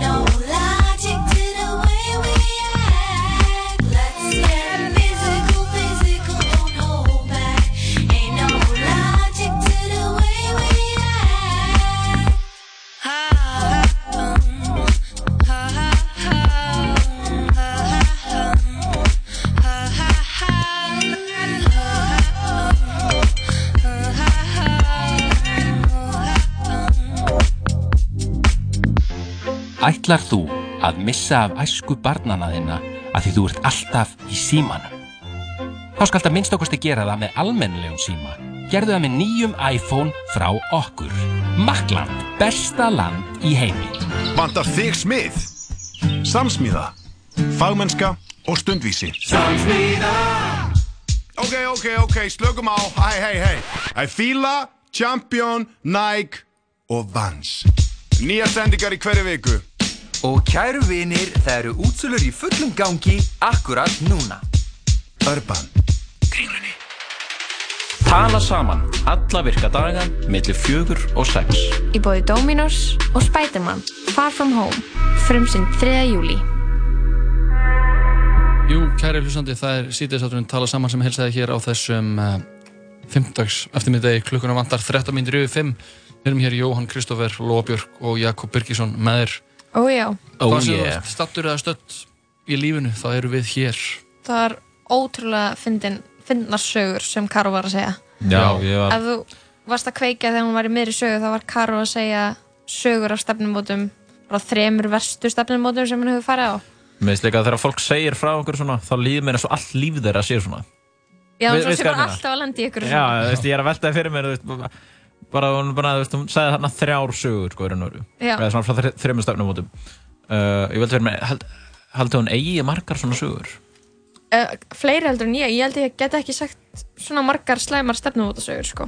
Nei. ef ég pæli í því Jói, Ég gæti ekki sagt eina nú er hvað náttúrulega er- að fara á null stefnumóta Já, æfiðinni En bara, er fólk alltaf á stefnumótum með það? fólk er alveg á stefnumótum út af því að það þarf einhvern veginn að hittast eftir að það er búið að spjalla á Tinder En ég meina, er þetta ekki bara svona, veist, já, já, það er bara stefnumót, þú veist, já, fólk er bara eitthvað, stælar.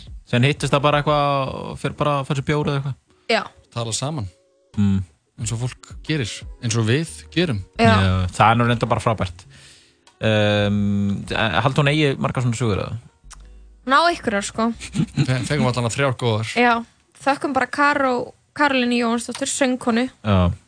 Þetta fer að sjálfsögðu bara uh, inn á netið Já, verður hægt að hlusta á þetta þar Já, fyrir þá sem mist af því uh, þrjú stefnumóti í þetta sökkaði sem er ja, liður sem er ja, nýran á valinni Já. Mhm. og er hrikalega skemmtilegur um, fyrirverandi sjávarútvegsráþara Norex Mm. Svein Ludvigsen Já, hann hefur verið dæmdur í fimm ára fangilsi fyrir kynferðisbrót gegn ungum hælislendum þá var hann einnig dæmdur til þess að greiða 743.000 uh, norskar krónur til fórnarlampana okay. sem samsvarar tæplega 11 miljónum íslenskar króna. NRK kannir frá, þetta er sko þetta er svona hreinrætt að ógeð Já, þetta er maður. Já. Uh, og ég ætla eiginlega ekki að fara nánun út í lýsingar á þessari frétt hérna, en, en Hvar er, þessi, hvar er að finna þessa frétt? Þetta er bara vísi miðli? Já, vísi Já, ég ætla ekki að fara að lesa ykkur lýsingar á þessu en, en þetta er þetta er bara svona uh, einhver sem ég ætla að koma inn á mm Mhm. Viðbjörnsett Og hvað, na, hvað stendur meira í þessari frétt? Þetta er bara Hann er bara leiðin í fangelsi Já, ætli það ekki Þetta er svona Æ, þetta er eitthvað svo ógæstett Ég vil eiginlega ekki, ég sé eiginlega eftir að bara vera að lesa þetta sko. Mhm. En það er bara norskur áþöra sem misbætti valdið sínu og misnóta heilislendur með þróskaskerðingu meðal annars. Já, vonum að hann brenni bara í helviti Það er svona st- staða fyrir svona fólk. Já. En yfir í aðeins léttara hjal Já, Þá Endilega. erum við með smá svona þema í dag. Fyrst að það, er fimmtagur Það er fortíðar fimmtagur Og ég er búin að vera að spila tónlist frá árinu 2001 í þættinum. Spilum í síðustu viku tónlist frá árinu 2000 Já og við spilum með lögin aðan frá uh, lögin Clint Eastwood með Gorillaz og einnig uh, spilum við Survivor, Survivor, með Destiny's Child gott lag. Næsta lag sem ég langar að spila er uh, sko, fyrsti singullin frá hljómsveitinni N.E.R.D. sem uh, samanstóð af uh, þeim uh, Pharrell Williams og Chad Hugo Mm. sem höfðu sko að mestu verið að pródúsera músík. Ummitt, já. Já, og uh, rauninni sko gáður út þessa plötu In Search of 2001 en uh, það var vist endur útgáfa 2002 sem svona gaf þeim með þessa stóru aðtikli sem þau síðan lifðu á eða þú veist hjælt þeim gangandi Mm. og uh, þessi plata In Search of er þetta er tímamótaverk sko Þegar hann ætlaði að vera að pródusera fyrir, hann, hann fari alveg, var að pródusera mikið fyrir klips og svona mikið að 90s hip-hopi. Núna er hann fr- kannski bara frægari heldur en Já, sem hann- er af þeim artistum sem hann var að vinna fyrir. Algjörlega, sko. Var Hann- síðan bara stjarnað einhvern veginn sjálfur. Já, hann er svo mikið, sko, svona kultúral íkon og Mm. eitt svona stærsti svona tísku mógullin í hiphopbransanum. Það er talað um, sko, í hiphopinu sé tísku guðin, það sé uh, Pharrell og tísku Jésu sé Kanye West. Ummitt. Og hann, uh, hann var reynd að gefa út á dögunum uh, nýtt samstarf við, uh, við Chanel, Chanel Pharrell, sem er, þú veist, þú kemst ekkert Mm. mikið Já, já. ofar en það í tísku bransanum, sko. Ég hugsa, mér verður oft hugsa til hattarins sem að Farrell var með hérna fyrir nokkrum árum. Já, langi hatturinn. Já, hann er, ég sé hérna, Rosalega langur hattur. já, ro, bara rosalega langur hattur og svo er hann líka með hann í gráan, sko. Mhm. Og er þetta ekki bara, var hann ekki svolítið að setja tónin fyrir kúreka hattin sem kom séðan bara rækilega í tísku? Jú, kannski. Þú, sko ég við, Jú. þessi hattur. Jú. Það má alveg líta á þannig. Það má alveg, gætum alveg sagt það, sko. Er það ekki að grína með það? Nei, við erum bara- að, við erum að, ég bara svona léttu, Er letti hjali? Léttu hjali. Já, við erum alltaf bara vinir í stúdíónu og það er það sem er svo Við skemmtilegt. erum vinnir. En við ætlum að hlusta á lag, þetta fyrsta lag sem þeir gáðu út sem NERD og það sem kom alltaf óvart var að þetta svona, þetta var alltaf rock Mm. sem er geggjað, þetta er lagið Lap Dance. Woo!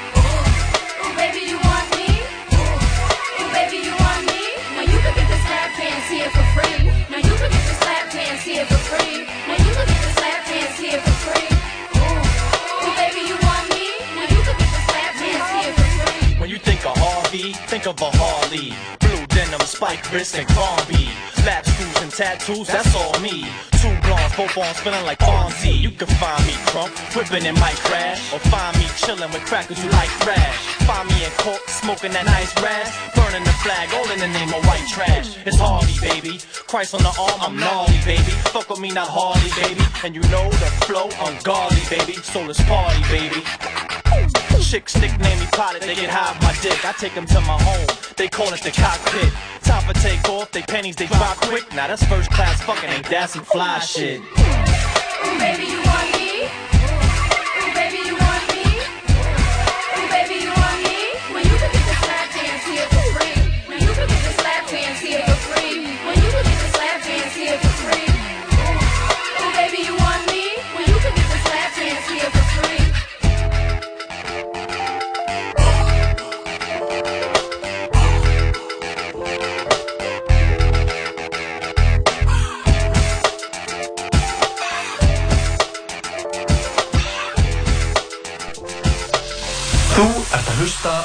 Útvarp 101 Útvarp 101 FM 94.1 Í bytni úr miðbæ Reykjavíkur Fimm staðir og allir opnir frá 11 til 22 alla daga vikuna.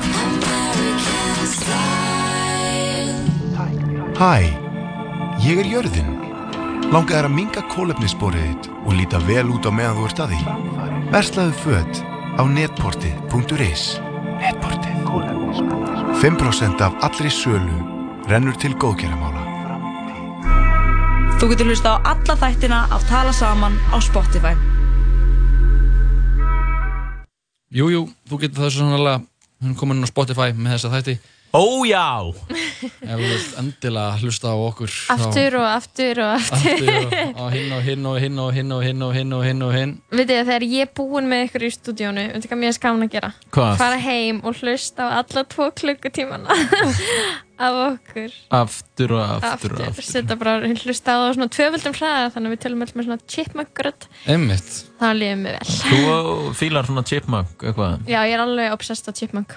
Já, hvað, hvaðan kemur það? Er bara- chipmunk Það er bara, óg- það er bara getur, þú getur, það er engin auðveldra leið til þess að fá mig til að hlæja heldur en að setja chipmunk á effekt á eitthvað bara þessi redd, hún bara gerir eitthvað fyrir mig en Já, við erum uh, mismunandi eins og við erum mörg Þannig hittur þú naklan á höfu Jakob minn Jakob svo satt Voru þið svona, varstu þá líka svona vænkona í gamla daga? Þú fílar svona vænu myndbönd? Nei. Ekki? Mm-mm. Nei, ég En þóli þessi það ekki vænu myndbönd Ég var á væn sko Já, þú varst á væn Mér Ég- finnst, fannst að ég gerði það til að fyndin vídeo á væn sko Já, ég skal reynda að trúa því ég horfði á hálftíma langa klipp, hálftíma langt vídeo á YouTube þar sem var búið að klipp, klippa saman bestu wine-myndböndunum um daginn bara. Eitthvað svona best wines to watch when life is pointless. Ég meina, ég er ekki Þú veist, og ég er, það bara virkar sko. Ég ætla að gera þetta eftir. Ég er ekki að segja að mér hafi ekki fundist neitt vænmyndband fundið En ég man, þú veist Við erum bara með það á upptöku Jakob að þú varst að segja það. Nei, þú veist, ég man í tíundabæk Það var hérna einn svona vinnu minn Alveg hrikalega mikill vænmaður, sko. Nefn- nefndu Og nöfn. við vorum, við vorum kannski þrý, fjóri saman Og hann alveg að sögulega þess að springurhláttur, sko. Síðan horfði ég á þetta, var svona pirraður. Og hinir voru að hlæja því, sko. Að þetta var svona skemmtileg ringrá, sko. Einmitt, þetta er hringrás lífsins. Já, þetta er svolítið skemmtilegt. Ég, djúvöld, þú lét ekki. Mér finnst síðan, bara. mér finnst síðan TikTok hafa tekið ágætlega vel við. Langar að líða eins og við séum at the end of times. Þá mæli ég með að hlaða niður appinu TikTok og horfa á okkur svona fólk síðan- syngja í frontkamera En síðan hef ég samt alltaf svolítið gaman að þessu vegna þess að fólki finnst þetta skemmtilegt sko. Og það gleður mig alltaf að sé Einhver sem fólk að- kætir fólk. Já, og að sé bara fólk heim með þessar að búti myndbönd og aðrir að hlæga heim með þessar sko. Mhm. Það er nú fallegt. Mm. Já. Internetið. Internetið, herru, það er 50 dagur Fortið að 50 dagur 40 að 50 dagur, já, og þá er ég alltaf ákvað ég að rifja upp eitt gamlan lið uh, og uh, hann ber hefur innfaldan nafn. Það sem gerðist á þessum degi? Uh, og Sorry, uh, þú átti ég ekki að gera þetta. Þú er náttúrulega mjög mikill aðdáðandi þessar liðar. Ég er hrifnust af þessu, ég elska að hoppa aftur í tíman Já, og fyrst það er nú sko fjórði júli sem er uh, jú eins og flestir vita þjóðtjáðatjáður bandaríkja manna og hvenna og uh, þeim sem uh, kjósa skilgræðinu sig ekki út frá kyni. Vá, jói. Ég er hérna fyrir ykkur öll.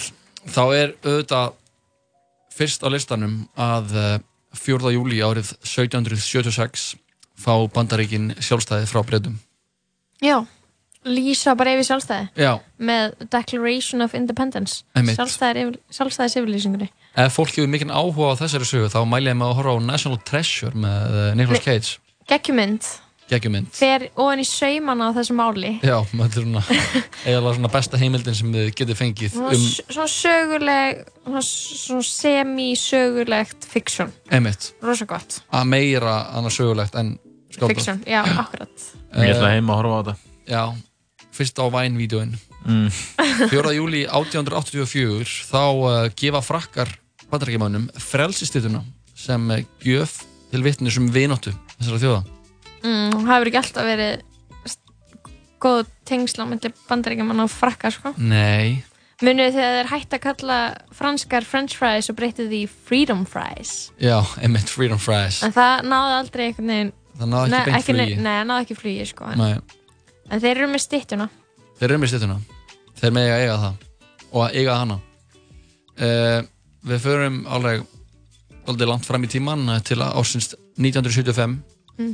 En uh, þá hvarf konanafnu Nancy Baird uh, Baird, ég veit ekki hvernig maður segja B-A-I-R-D Já, uh, hún hvarf frá Layton, bænum Layton í Utah Mhm. og uh, hún reyndist verða eitt af fórnulöndum Ted Bundy. Já. Erum við Hey, að horfa á svona heimildam hvað heitir þetta? B- The Bundy Tapes, nei, The Ted, En það eitthvað er til sko eitthvað Ted Bundy tapes Ok. sem er eitthvað að vera svona vera að rannsaka hann en Ok. síðan er það líka komin, komin bíómynd. Hvað heitir hún? ég, ég man það ekki alveg. Það sem Zac Efron leikur Ted Bundy. Ok, af því hann var vist algjör sjarmur sko, já. Sem Það ég- vill oft eitthvað svona fylgja Já. Eitthvað svona síkopati og sjarmur. Já. Það helst í hendur. Einmitt, konur vilja bara að hann sé annað hvort. Mm.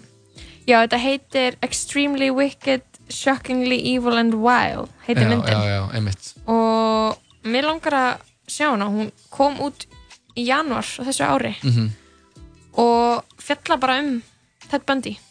Lóa, ef þú þurftir að Anna, þú er alltaf í sambandi núna en segjum að þú værið það ekki. Og Ok. þú fengir valið að millið þess að byrja með ógeðslega heitum psykopata Mm. eða ógeðslega ljótum geðað fínum gaur.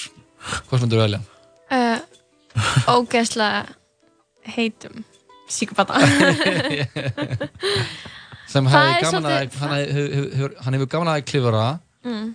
og uh, hann- hvað er það vonda sem hann gerir? Hann er bara Er alveg siðlaus.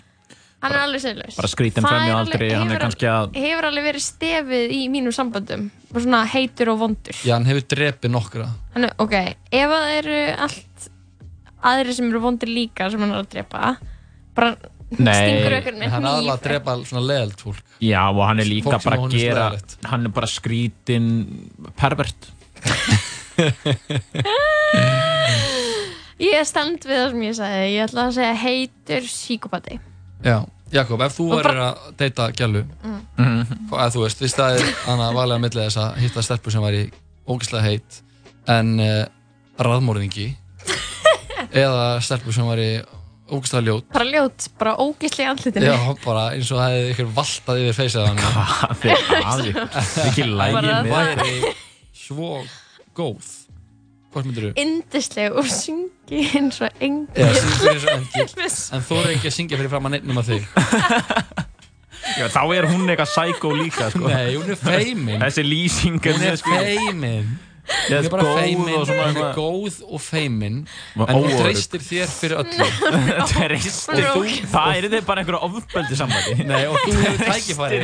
Treystir mér fyrir öllu. Og hún hefur tækifæri, eða þú hefur tækifæri til að Já. hjálpa henni að komast, komast út úr skilinni og verða Þú ert að setja mig umönnarstöðu En það væri ekkert eitthvað ljót og venjuleg gæla. Það væri bara einhver svona Setja ekki eitthvað mikla press á mig. Leggja sín vandamál á Alls ekki. Og ég þarf að leysa úr þeim fyrir Nei, hana. alls ekki, þú ert bara í þeirri stöðu þú veist, hún setur ekki neina pressa á þig hún er bara feimin og hún treystir þér og þú sérð að ef þú, ef þú spila rétt úr ykkar spi, spilum þá getur hún orðið svona stórstjarna. Hún syngur svo vel. Það er næsta Susan Boyle. Og þú getur þú veist, þú, hefur tækifæri til að þjenast ótrúlega mikið á þessu sambandi. Og ég ert að tala um Já, hún líka, þú bara sem umbásmaður Ok, minna að vera umbáðsmaður kæri Þetta er bara, ég, það, Hún er þetta er ógeðslega góð en bara ógeðslega ljót og hún er með ógeðslega fallega sál en bara engill. laðast ekkert að henni. En laðast að hjartan hennar skilur Já, og hún hefur sögum áhugamál og þú. En gellan sem er er heit mjög en gellan sem er heit hún er Já, alltaf að niðurlega þig. Alltaf niðurlega þig en hún er sko svakaleg í bólinu en hún er raðmörðingi Já, þú þarfst að velja já. Er það eitthvað klikkuð? Ég myndi bara að velja þessa góðu konu þannig Er það? Já, ég meina, þú veist hugsaðu út í þetta Vilt að kærastæðin sé raðmörðing? Já, ok, en gefum okkur eitt að þessi sem er raðmáningi, hún er líka mjög góð að syngja Hún syngur líka svo ekki Og ég get orðið umbóðsmaður hennar og þjenað fúlgu fjár á því Já, ég myndi velja hana. Eða ekki? Jú. Ég held að það, við slum halda að Það- fara yfir það sem það, ég held að sé líka pínu spennandi að Verður með þú ert með einhverja sem er raðmörðingi Mér finnst það alveg smá heitt að vera evil, skilur við. og þú byrðir í einhverju svona byrðir í einhverja ógnarstjórn og alltaf vera að neita manni um eitthvað og svona Einmitt. Ég fæ ekki að borða Nei, það fær ekki að borða, hún Það er niðurlæði næs. En hann Já, hún er sturlu í bólinu og En þú myndir þú? velja hana Sturli í bólurinn er sem hún er alltaf að góla. Já, hún er spangóla. Brjálæðisköst, svona. og, þú veist, og í bólinu og þegar, þú, þegar hún er svoandi þar að segja, hún bara byrjar bara svona "Ó!" bara þegar þið eru svoandi Já, bara halda fyrir með og vöku eins og- Já, hún heldur fyrir með vöku Þú sefur ekkert þú En ég væri ekki bara fljótlega komin inn á gæð eins og var með þessari konu. Nei, þú væri, þú, þú væri með henni þá myndur þú sömulegis fá sko miklu meiri svona, svona mental strength Þetta er þetta andlegan styrk. Marvel bíómynd Já, Þetta þetta er- lýsa ykkur ofur héttu Já, þetta er Marvel mynd Þú myndir velja hana Já, já einmitt Það var Nerf. skemmtileg tilbreyting Við veitum hvaða forgangsröðin við erum með einnig tala saman. Við erum ekkert að þykjast. Já, Er við eitthvað- erum ekki að þykja sko Við erum hreinskilin. Við slum fá eitt lag en við höldum áfram að rúla yfir uh, það sem gerist á þessum degi og uh, það er höldum áfram í lögum frá árinu 2001 og uh, neglum okkur í annað gott frá uh, þessu ári. Já, það er verið. Það er ekki að hlustandi. Já, þetta sko þetta lag er að mörgum talið eitt allra versta lagið en uh, Versta. já, En við, okkur finnst það gott. já að þú veist, það, það er erfitt að, erfitt að sko að segja að þetta lag sé ekki stemning sko Er þetta Nickelback? Þetta er hljómsveitin Nickelback Oh my god, Sem- ég elskaði þessu hljómsveit þegar ég var eitthvað 7 ára, 8 ára, 9 Já Og Þá var uh, gamall. þetta er af plötunni Silver Side Up og uh, lagið heitir How You Remind Me Lóa elskar þetta Never made it as a wise man. I couldn't cut it as a poor man stealing. Tired of living like a blind man. I'm sick aside without a sense of feeling. And this is how you remind me. This is how you remind me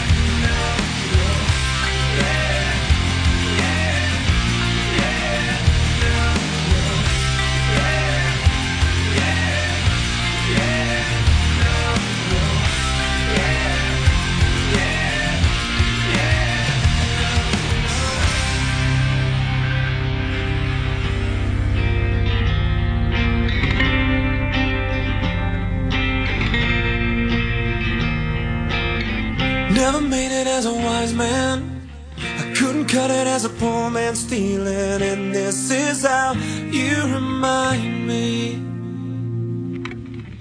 This is how you remind me.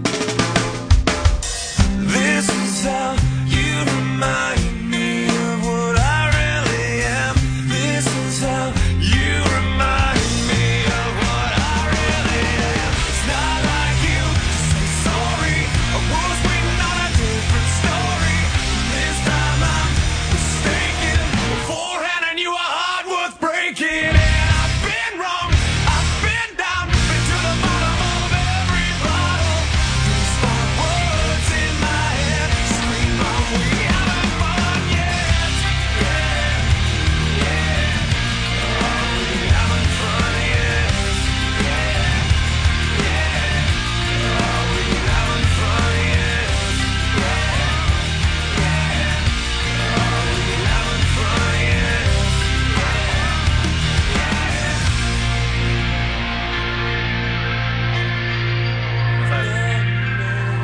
kæri hlustandi, þetta var að sjálfsögur hljómsveitin Nickelback lægit How You Remind Me klukkuna vantar 28 Ah, mínútur í sækið 6 þetta. Við erum í hérna í sítið þetta við tala saman Jóhann, Lóa og Jakob og það er svona fortíðar þema, við erum að hlusta á tónlist frá árinu 2001 í dag og uh, fagna þjóðtíðadegi bandaríkjana 4. Já. júli Vel Svo minna, á að það eru núna stað uh, mótmæli sem uh, hófust á skólaverðu Holti núna kl. 5 Mhm. Og planið var að ganga heldur niður á Östuvöll þetta Já. er til að mótmæla aðgerum gegn uh, flótabörnum það, sérstaklega þessum tveimur afgönsku Fjölskyldum, fjölskyldum sem á að vísa stendur til að vísa úr landi í næstu viku. En um, fyndi að vera að tala svona mikið um bandaríkin og aðna, eitthvað þau eiga þjóðatíðadag og ég vei, veit að erum ykkur sem er ekkert svo ánæðir með einhvern veginn bandaríkin í dag Já, þeir náttúrulega Það er er- að gera það allra viðbjóðslegasta sko. það eru þessar búðir þar sem að eru mitt mikið af flóttafjölskyldum Mhm. sem er eh, sem minna á bara vinnubúðir svo við sáum í Í og heimsstyrjöldinni, höfum séð kannski bara oft í mannkísunni í Já. rauninni og þetta er ekki fyrsta skipt sem bandarækjamenn eru með svona búðir Nei, þetta er það ekki uh, En við höldum áfram í fortíða Erum við ekki bara með rússana með liðinu? Liði? hvað, erum við með rúsum í liði? Næ, ég er bara spyr Ég spyr líka. Nú höldum við áfram með fortíða fimmdag Við erum að fara yfir hluti sem gerðust á þessum degi. Og uh, næsta sem uh, ber að minnast á er frá árinu 1997 Mm. Lóa, getur hvað gerist þá? árið 1997 4. júli tengist þetta leikonu sem ég hef gaman af? Nei, um, en tengist þetta eitthvað sem ég veit eitthvað mikið um? Nei. En okkur spurur mig þá? Bara. bara grínast í mig. Já, og því þú veist að ég þóla ekki hann lið? Já. Ok, ég veistu, ég er búin að skipta um skoðun. Mér finnst þessi liður skemmtilegur ef hann gerist á milli 4 og 6 en ekki 7 Já. og 8 Já. um morgun. Ok, ég ætla bara að koma með það. Árið 1997 lendi geimfærið Pathfinder á Mars. Aldrei heyrst um þetta geimfar. Eftir tæplega 200 miljón kílómetra langt ferðaleg that's a lot. That's a lot. Þá Ég varst þú bara- ekki fættur Jakob 97, Nei, hvaða mótil erstu? Ég, já, 98 við erum ofta að tala um hluti sem að bara Jakob man ekkert eftir út því hann var kannski bara eins árs Byrju, en hvað við þú 10 ára fætt? 84 eða? Hvað? Já, það er nefnilega svo gamalt Nei, sko Ég þól ekki geiminn sko. Er það ekki? Aldrei skilið þetta er fólk sem hefur áhuga á geimnum sko. ég var alveg til að vera út í geimnum ég horfði á svona þegar við vorum ung, Mhm. ég og þú Jóhann Já.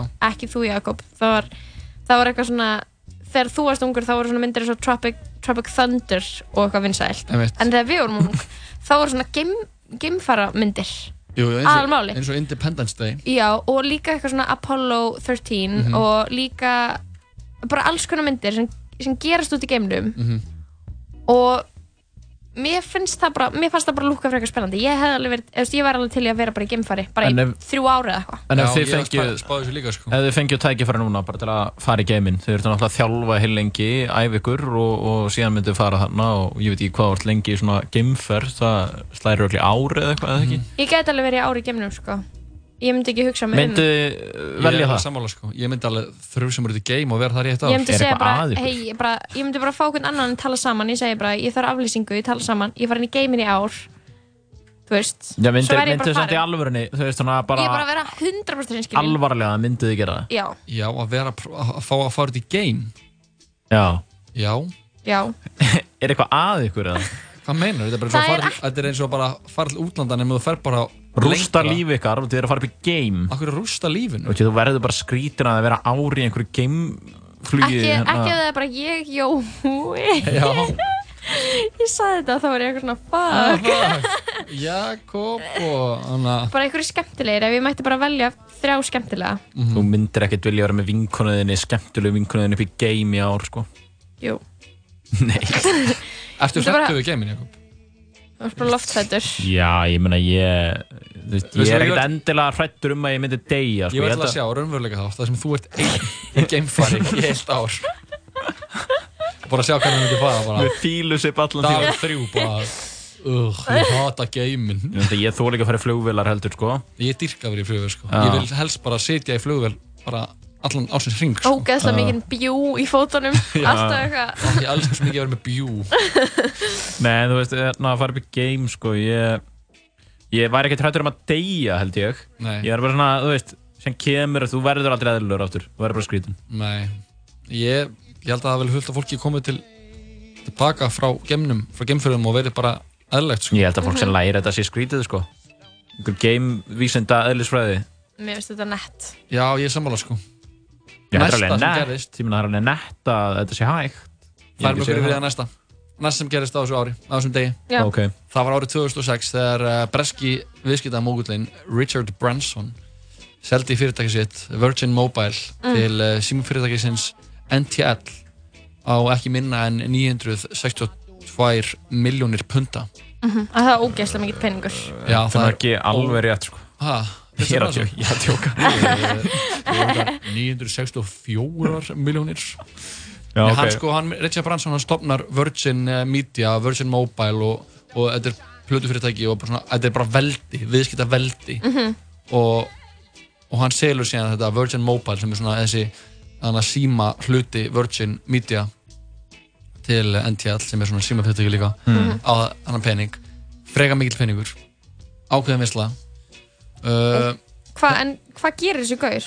hann er bara viðskipta mógul, hann er bara þekktur Mm. í brelli þetta er bara gaur, þú, ef þú googlar hann að gaur er hann að googla hann eða? Nei, þá kannstu við feysið á hann sko. hann er með svona er þetta gaur sem að þú veist Björgóli Tór myndið til að með? Wow, þessi gaur já, þetta er alvöru böllur sko. Savage já, savage Eru þið hérna þið gerir eitthvað vænt um fólk, almennt Já, já, ég myndi segja það Mhm. en þér Já ok, akkur að spyrja. Ég veit ekki, ég fór eitthvað að hugsa um það. Það er svona ertu ennþá í game, game topicinu? Já, nei, ég er bara að hugsa út af því. En hún hérna hún Malia Obama, dóttir Obama amal í dag ég, ég veit það, ég er með það á Er- listanum er það- var ég að spoila listanum? Oh my god! Ég er með tvö ammælisbörn, ég valdi þau sérstaklega. Og oh my god, Lóðabjörg Lóa Er gera hitt, þetta byrjar stundum. að P? nei, Er það ekki P? Mm. Bara prumpulega hans Dr. Gunnar Post Malone á líka amal í dag mér er drullu saman hvernig Post Já, Malone ég, Það er bara mér líka, en mér langar að, þú veist, tala um hann Hefur Mér árið finnst hann fyndinn. 2003 þá uh, er hann uh, Kobe Br- Bryant uh, leikmaður að þá er þetta leikmaður LA Lakers í Korabólta Mm. handtekinn fyrir uh, kynferðis afbrót sem var síðan uh, þeim ákjörum var síðan uh, Vísa frá. droppað. ég vísa frá, já þannig að við þurfum að koma þess af það var mikilvægt innlegg í þetta hvað gerist þessum degi Mhm. Uh, næsta sem gerist á þessum degi gerist ekki á þessum degi en það gerist árið 2001 og Ok. okay. það er 40 að 50 ára og þemaði okkur í dag er árið 2001 þá er það að sko 9. janúar uh, árið 2001 þá kynntu Apple til sögunar iTunes Media Player og það er emitt iTunes er ekki lengur til. Ég er Þeir nota eru- iTunes í tölvunni minni. Já, en þeir eru að í, ég held að í næstu anna, uppfarslu en nýjustu tölvunum Það verður ekkert iTunes. það verður ekkert iTunes. Það er svo leðilegt, sko. Já, Mér finnst það virkilega leðilegt, sko. Vá, hvað er eitthvað svona skrítin gaur sem var með í MR eftir 25 ára eitthvað með tölvuna með iTunes eitthvað svona gamer tölvur með iTunes í Eru meina með gamlan MP3 inn í honum og eitthvað svona. Herru, næst fyrir við ammælisböð dagsins. Uh, árið 1971 þá fættist uh, Coco, veitir þið Coco er? A. Górilan Gorilla var górilan sem fættist í uh, hana, San Francisco Zoo dýragarðunum í San Francisco. Já, og hún talaði tákmál alveg rétt. Þetta er geggjuð heimildamönd um þessa górilu og um konuna sem þjálfa hana Mhm. sem var algjör MVP Og þetta var eitthvað svona Ok, dýr eru fucking gáð Já. Þetta var svona fyrsta svona góða sönnunagagnu um það Einmitt. Hún getur bara lært tákmál Já. Og eh, næsta var eins og áður kom fram uh, Malaya Obama, dóttir Barack og Michelle Obama fættist á þessum degi í uh, Chicago Og sko með henni til að hafa mámalið 1998, já hún, uh, einn daginn mun þetta allt verða hennar eins og uh, hann sagði við Simba í Lion King Mhm. en jú, fyrst að við fórum inn á það á Post Malone ammali í dag Hvað finnst ykkur um Post Malone? Uh, sko ég hinnin veit það ekki ég, það er mjög, eru mjög sterkar skoðanir á Post Malone Mhm. í hiphop-heiminum fólk yfir dyrkar hann eða hatar hann sko. Já, mitt. Ég man bara hann kom til Ísland og Já, spila í Sillubergi og ég man sko ég, ég get ekki sagt hvað neitt lagmannum heitir en ég, ég þekki að þegar ég heyra það sko Eitt er- heitir eitthvað uh, Celebration. Já, Celebration, Rockstar uh, Já. Young, Anna, Young bara Iverson ég hef ekki skoðan á hann hann, Hann er sko hefi Anna Lummo, gaur sko. já, mér, ég ætlaði einmitt að segja, mér finnst hann astnalegur. Já. En ef ykkur setur á lag með honum, þá finnst mér það alveg skemmtilegt. Já, hann er bara mjög góðu poptónlistamæður sko. Já. Og hann er ekki beint rappari Hann hefur ta- talað um, hann, hann hefur sagt ég er ekki rappari Ok. Hann er náttúrulega bara poptónlistamæður og söngvari Já. Og uh, hann, spilaði náttúrulega inn á þetta hip-hop sko, hann hip-hop völl Já, með fyrsta læginu sinni sem hétt White Iverson já. já, og uh, það kom út á Soundcloud og hann Mhm. var svona, hann var það sem heitir Soundcloud-rappari, það ekki? nei, hann var það sem heitir svona hann hvað þetta, þegar svona label eru búin að koma einhverjum rappara fyrir eru búin að setja upp einmitt, svona industry, industry plant, já. Industry plant, eins og Lil Nas X var til dæmis líka Mhm. og það Hvernig var það með Lil Nas X? þá? Og var ekki Billie Það er Eilish bara- líka? Jú, Billie. Eilish líka. Það eru bara, eru bara plötufyrirtæki sem standa bak við þessa listamenn og það er bara búið að plana bara mjög gott markaðsplan fyrir þessa listamenn Var og það sem bara- gefa út eitthvað eitt lag og það virðist vera bara, wow, þetta er bara hann er bara búin að gefa út eitt lag og það er bara geðað vinsalt og allir að, en það er bara það eru bara margir, margir hausar á bakvið þetta þessi, En við hafa búið að ákvaða það áður en að gáða lagið. Já, já, já. Þetta er bara, þú veist, svo hann hann komið gefið frekar einhvern veginn upp úr þurru eða skilur, virki meira einhvern veginn að self-made. að þetta sé bara allt upp úr þurru og hann gaf bara út lag og það gekk Hann alveg er bara pjúra talent, skilur, sem bara mætir og bara er alveg með þetta Já, ég held að þetta veri meira eitthvað svona, já, ok, út lag en að það er gott, fólk fíla, það, hoppum bara þannig gæja og gerum að geða frá hann. Mhm.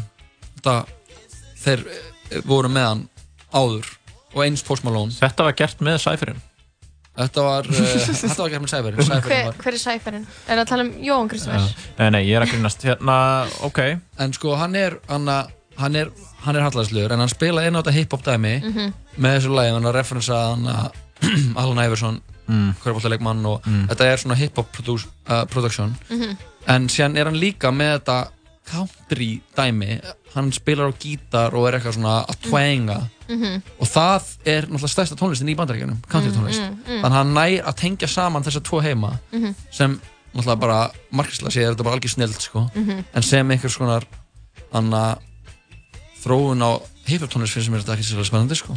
Mér finnst líka bara lúkið hans, ég fæ bara svona, eða þú veist hann er alltaf Ok, með tattu að undir augunum á sér always tired. Já, um eitt tært það er- svona með gattavír svona yfir ennið. Já eins og Jésu og hann með eitthvað svona líka svaka ennsku og sverð. haldi honum líðið þá vel, eða hvernig er það? Ég held að hann leik ekkert svo vel sko. Hann líður vel? á peninga. Hann á peninga. Já, já Næ, það, vonandi líður honum bara Post Malone vel, ég, hérna, ég ætla að standa með honum. Já, þú ert Post Malone maður. Já, ég meina, ef hann er bara svona góða gaur, svo ætla ég að vera hans megin. Jakob Birgisson er Post Malone aðdáðandi dagsins í dag. Já, Til hamingju með þinn mann. Já takk hérlega fyrir það. En uh, ég held að það sé komið tími á loka lægið á uh, þessum 2001 lista sem uh, við erum að fara yfir í þættinum í dag. Mhm. og uh, þetta lag er það sem maður einhvern veginn ja, þetta lag hefði ekki, ekki getað komið út á neinu, neinu öðru ári heldur en árið 2001 og þetta er með hljómsveitinni Crazy Town og lagið heitir Butterfly Þetta var eitt af mínum uppáhalds þegar ég var lítil sko, ég elskaði líka vídjóið Ég mæli með að fólk kíkja á vídjóið sem hefur ekki það Já, þetta er algjör klassík, 2001 klassík Já. og þar með líki listan með yfir uh, fimm lög frá árinu 2001 sem ég er búin að fara yfir í, dag. Og uh, við slumum hlusta á þetta lag, Butterfly, Crazy Town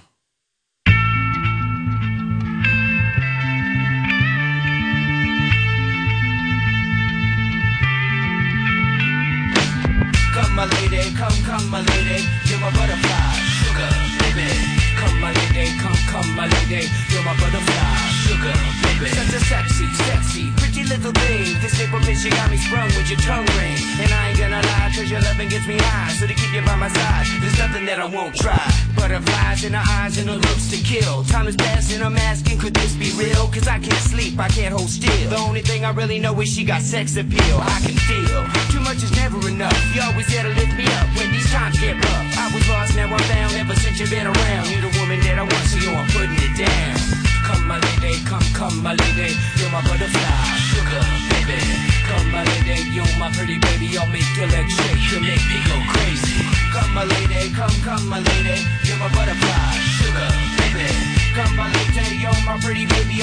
Legs shake, you make me go crazy. I don't deserve you, that's it. Some kind of hidden message to show me life is precious, and I guess it's true. But to tell the truth, I really never knew till I met you. See, I was lost and confused, twisted and used. I knew a better life existed, but thought that I missed it. My lifestyle wild, I was living like a wild child, trapped on a short leash, parole to police files.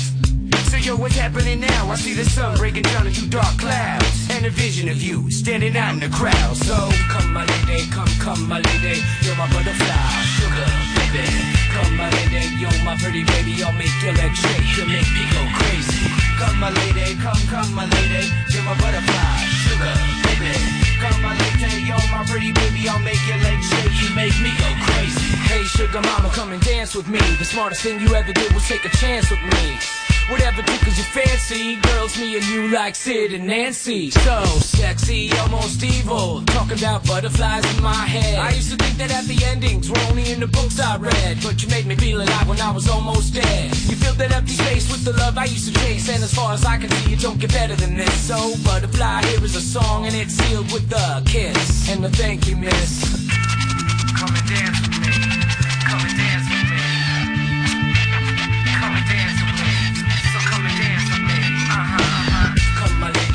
come, my lady. You're my butterfly, sugar, baby. Come my lady, you're my pretty baby. I'll make your legs shake, you make me go crazy. Come my lady, come, come my lady. You're my butterfly, sugar, baby. Come my lady, you're my pretty baby. I'll make your legs shake, you make me go crazy. Come my lady, come, come my lady. You're my butterfly, sugar, baby. Come my lady, you're my pretty baby. I'll make your legs shake, you make me go crazy. Come my lady, come, come my lady. You're my butterfly, sugar, baby. Come my lady, you're my pretty baby. I'll make your legs shake, you make me go crazy. Come and dance with me. Come and dance with me. Come and dance with me. Come and dance with me. Jú, og sjálfsögur var þetta lagið Butterfly með hljómsveitinni Crazy Town. Þú ert að hlusta á City Setting tala saman og við erum bara farin að huga því að skella loki á þennan þátt. Am. Búið að vera skemmtilegu þáttur Já, með góðan gest, góða sögur gott að fá hérna Amerikana í þáttinn Já, smá grín. Svolítið Ekki- mikið grín Ekki of mikið samt. Nei, Aldrei of mikið af gríni. Nei, nei. hvernig eru stemdir fyrir, þessari helgi sem eru að koma strákar Hvað verður, hvernig helgi verður þetta? Það er, nei, já, það er 15 Já, sem en er að koma. já, mitt, uh, maður byrjar að plana bara vel. Ég, uh, ég var reyndar alveg til að fara út á land. Já, ég ætla að gera það, held ég. Ég líka Ég bara þarf eitthvað að skoða þetta. Ég hef ekkert hugað það helginni. Ég held ég fara úr bænum, fara úr þessum crazy town Heyrðu, Gott ekki callback. gera þetta, Lóðbjörg. Crazy town Uh, já, ég, ég ætla bara að gera eitthvað næs. Ég ætla að fá mig vasklas og hérna. Það er etrumennskan Fá þig vasklas. Hvað ætla að gera margina? Ég ætla að fá mig vasklas. Þetta er bara ok Ok Við fengum til okkur Tómas Inga Sheldon sem eh, er saksfræðingur, gæt og hálfur amerikani. Og uppistandari, Og ég upp- myndist ekkert á það Ja. En hann vann hérna finnasti háskólaneminn um árið Einmitt. Er í HÍ, stúdendakellar Hann sá okkur frá sinni reynslu af 4. júli, það er náttúrulega þjóðtíðadagur bandaríkjamanna í dag. Við tölum um eh, mótmælinn sem er að eiga sér stað þessu stundina Mhm. nýri bæ til uh, mótmæla hvernig komið fram við tvær afgangsar fjölskyldur sem er að vera að reyna að reyka á landi. Við slumum endilega veita þeim allan þann stuðning sem við getum. Við uh, tókum viðtal við hana Karolínu Jónsdóttir. Hún saði okkur frá uh, því sem sökkaði. Þreymur hræðilegum deytum sem ég Hræðilegum hefði deytum. alls ekki viljað vera á Nei, við... Ekki undir einu kringustæðum þetta kemur alltaf á viðun okkar 101.live en annars fóru við það sem gerast á þessum náttúrulega 40 að 50 ég fór yfir 5 lög frá árinu 2001 og ég ætla að enda þáttinn í dag á einu svona honorable mention eins og maður segir Mhm. á góður í amerísku Þetta er að sjálfsögðu J-Lo ásamt Ja Rule. Við þakkum fyrir okkur í dag og verðum hérna aftur á morgun. Ei, indislan dag, ég hlakka bara til að vera hérna í loftinu á morgun. Heldur betur, þetta er lagið I'm Real. What's my motherfucking name? Are you Ellie? Blowing back on this Mary Jane. I'm analyzing the game. And the game done chose me. To bring pain to pussy niggas and pussy hoes that's one and the same. Ever since you told me. There's only room for two. I've been making less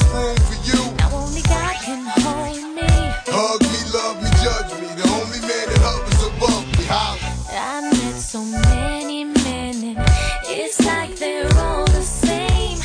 My appetite for loving is now my hunger pain. And when I'm feeling sexy, who's gonna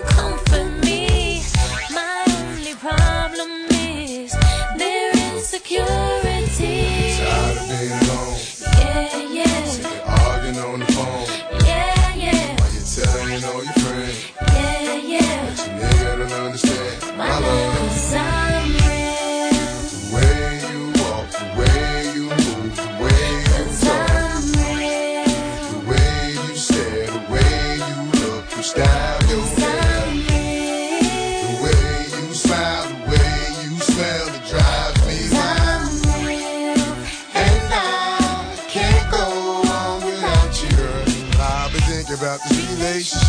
And I wanna know is it as good as it gets? Cause we've been through the worst times and the best times. But it was our time even if it was part time. Now they been looking at me, smiling at me, laughing like we wasn't happy. But not knowing that we're growing and we're getting married. Hard loving and straight thugging. Bitch, I ain't doing this shit for nothing. I'm here to get it poppin', hoppin'. Let's ride in the Benz, head blowing in the wind, sun glistening off your skin. Hey, I'm nasty, you know me, but you still gon' fuck with your baby. I'm real. The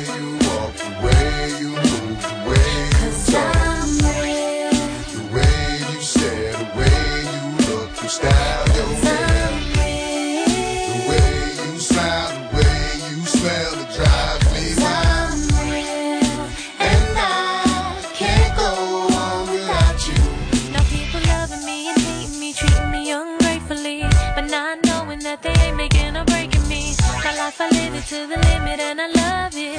Now I can breathe again, baby. Now I can breathe again. Now people screaming, what the deal with you and so and so. I tell them niggas mind their biz, but they don't hear me though. Cause I live my life to the limit and I love it. Now I can breathe again, baby. Now I can breathe again. Tired of being alone, Yeah, yeah, arguing on the phone. yeah,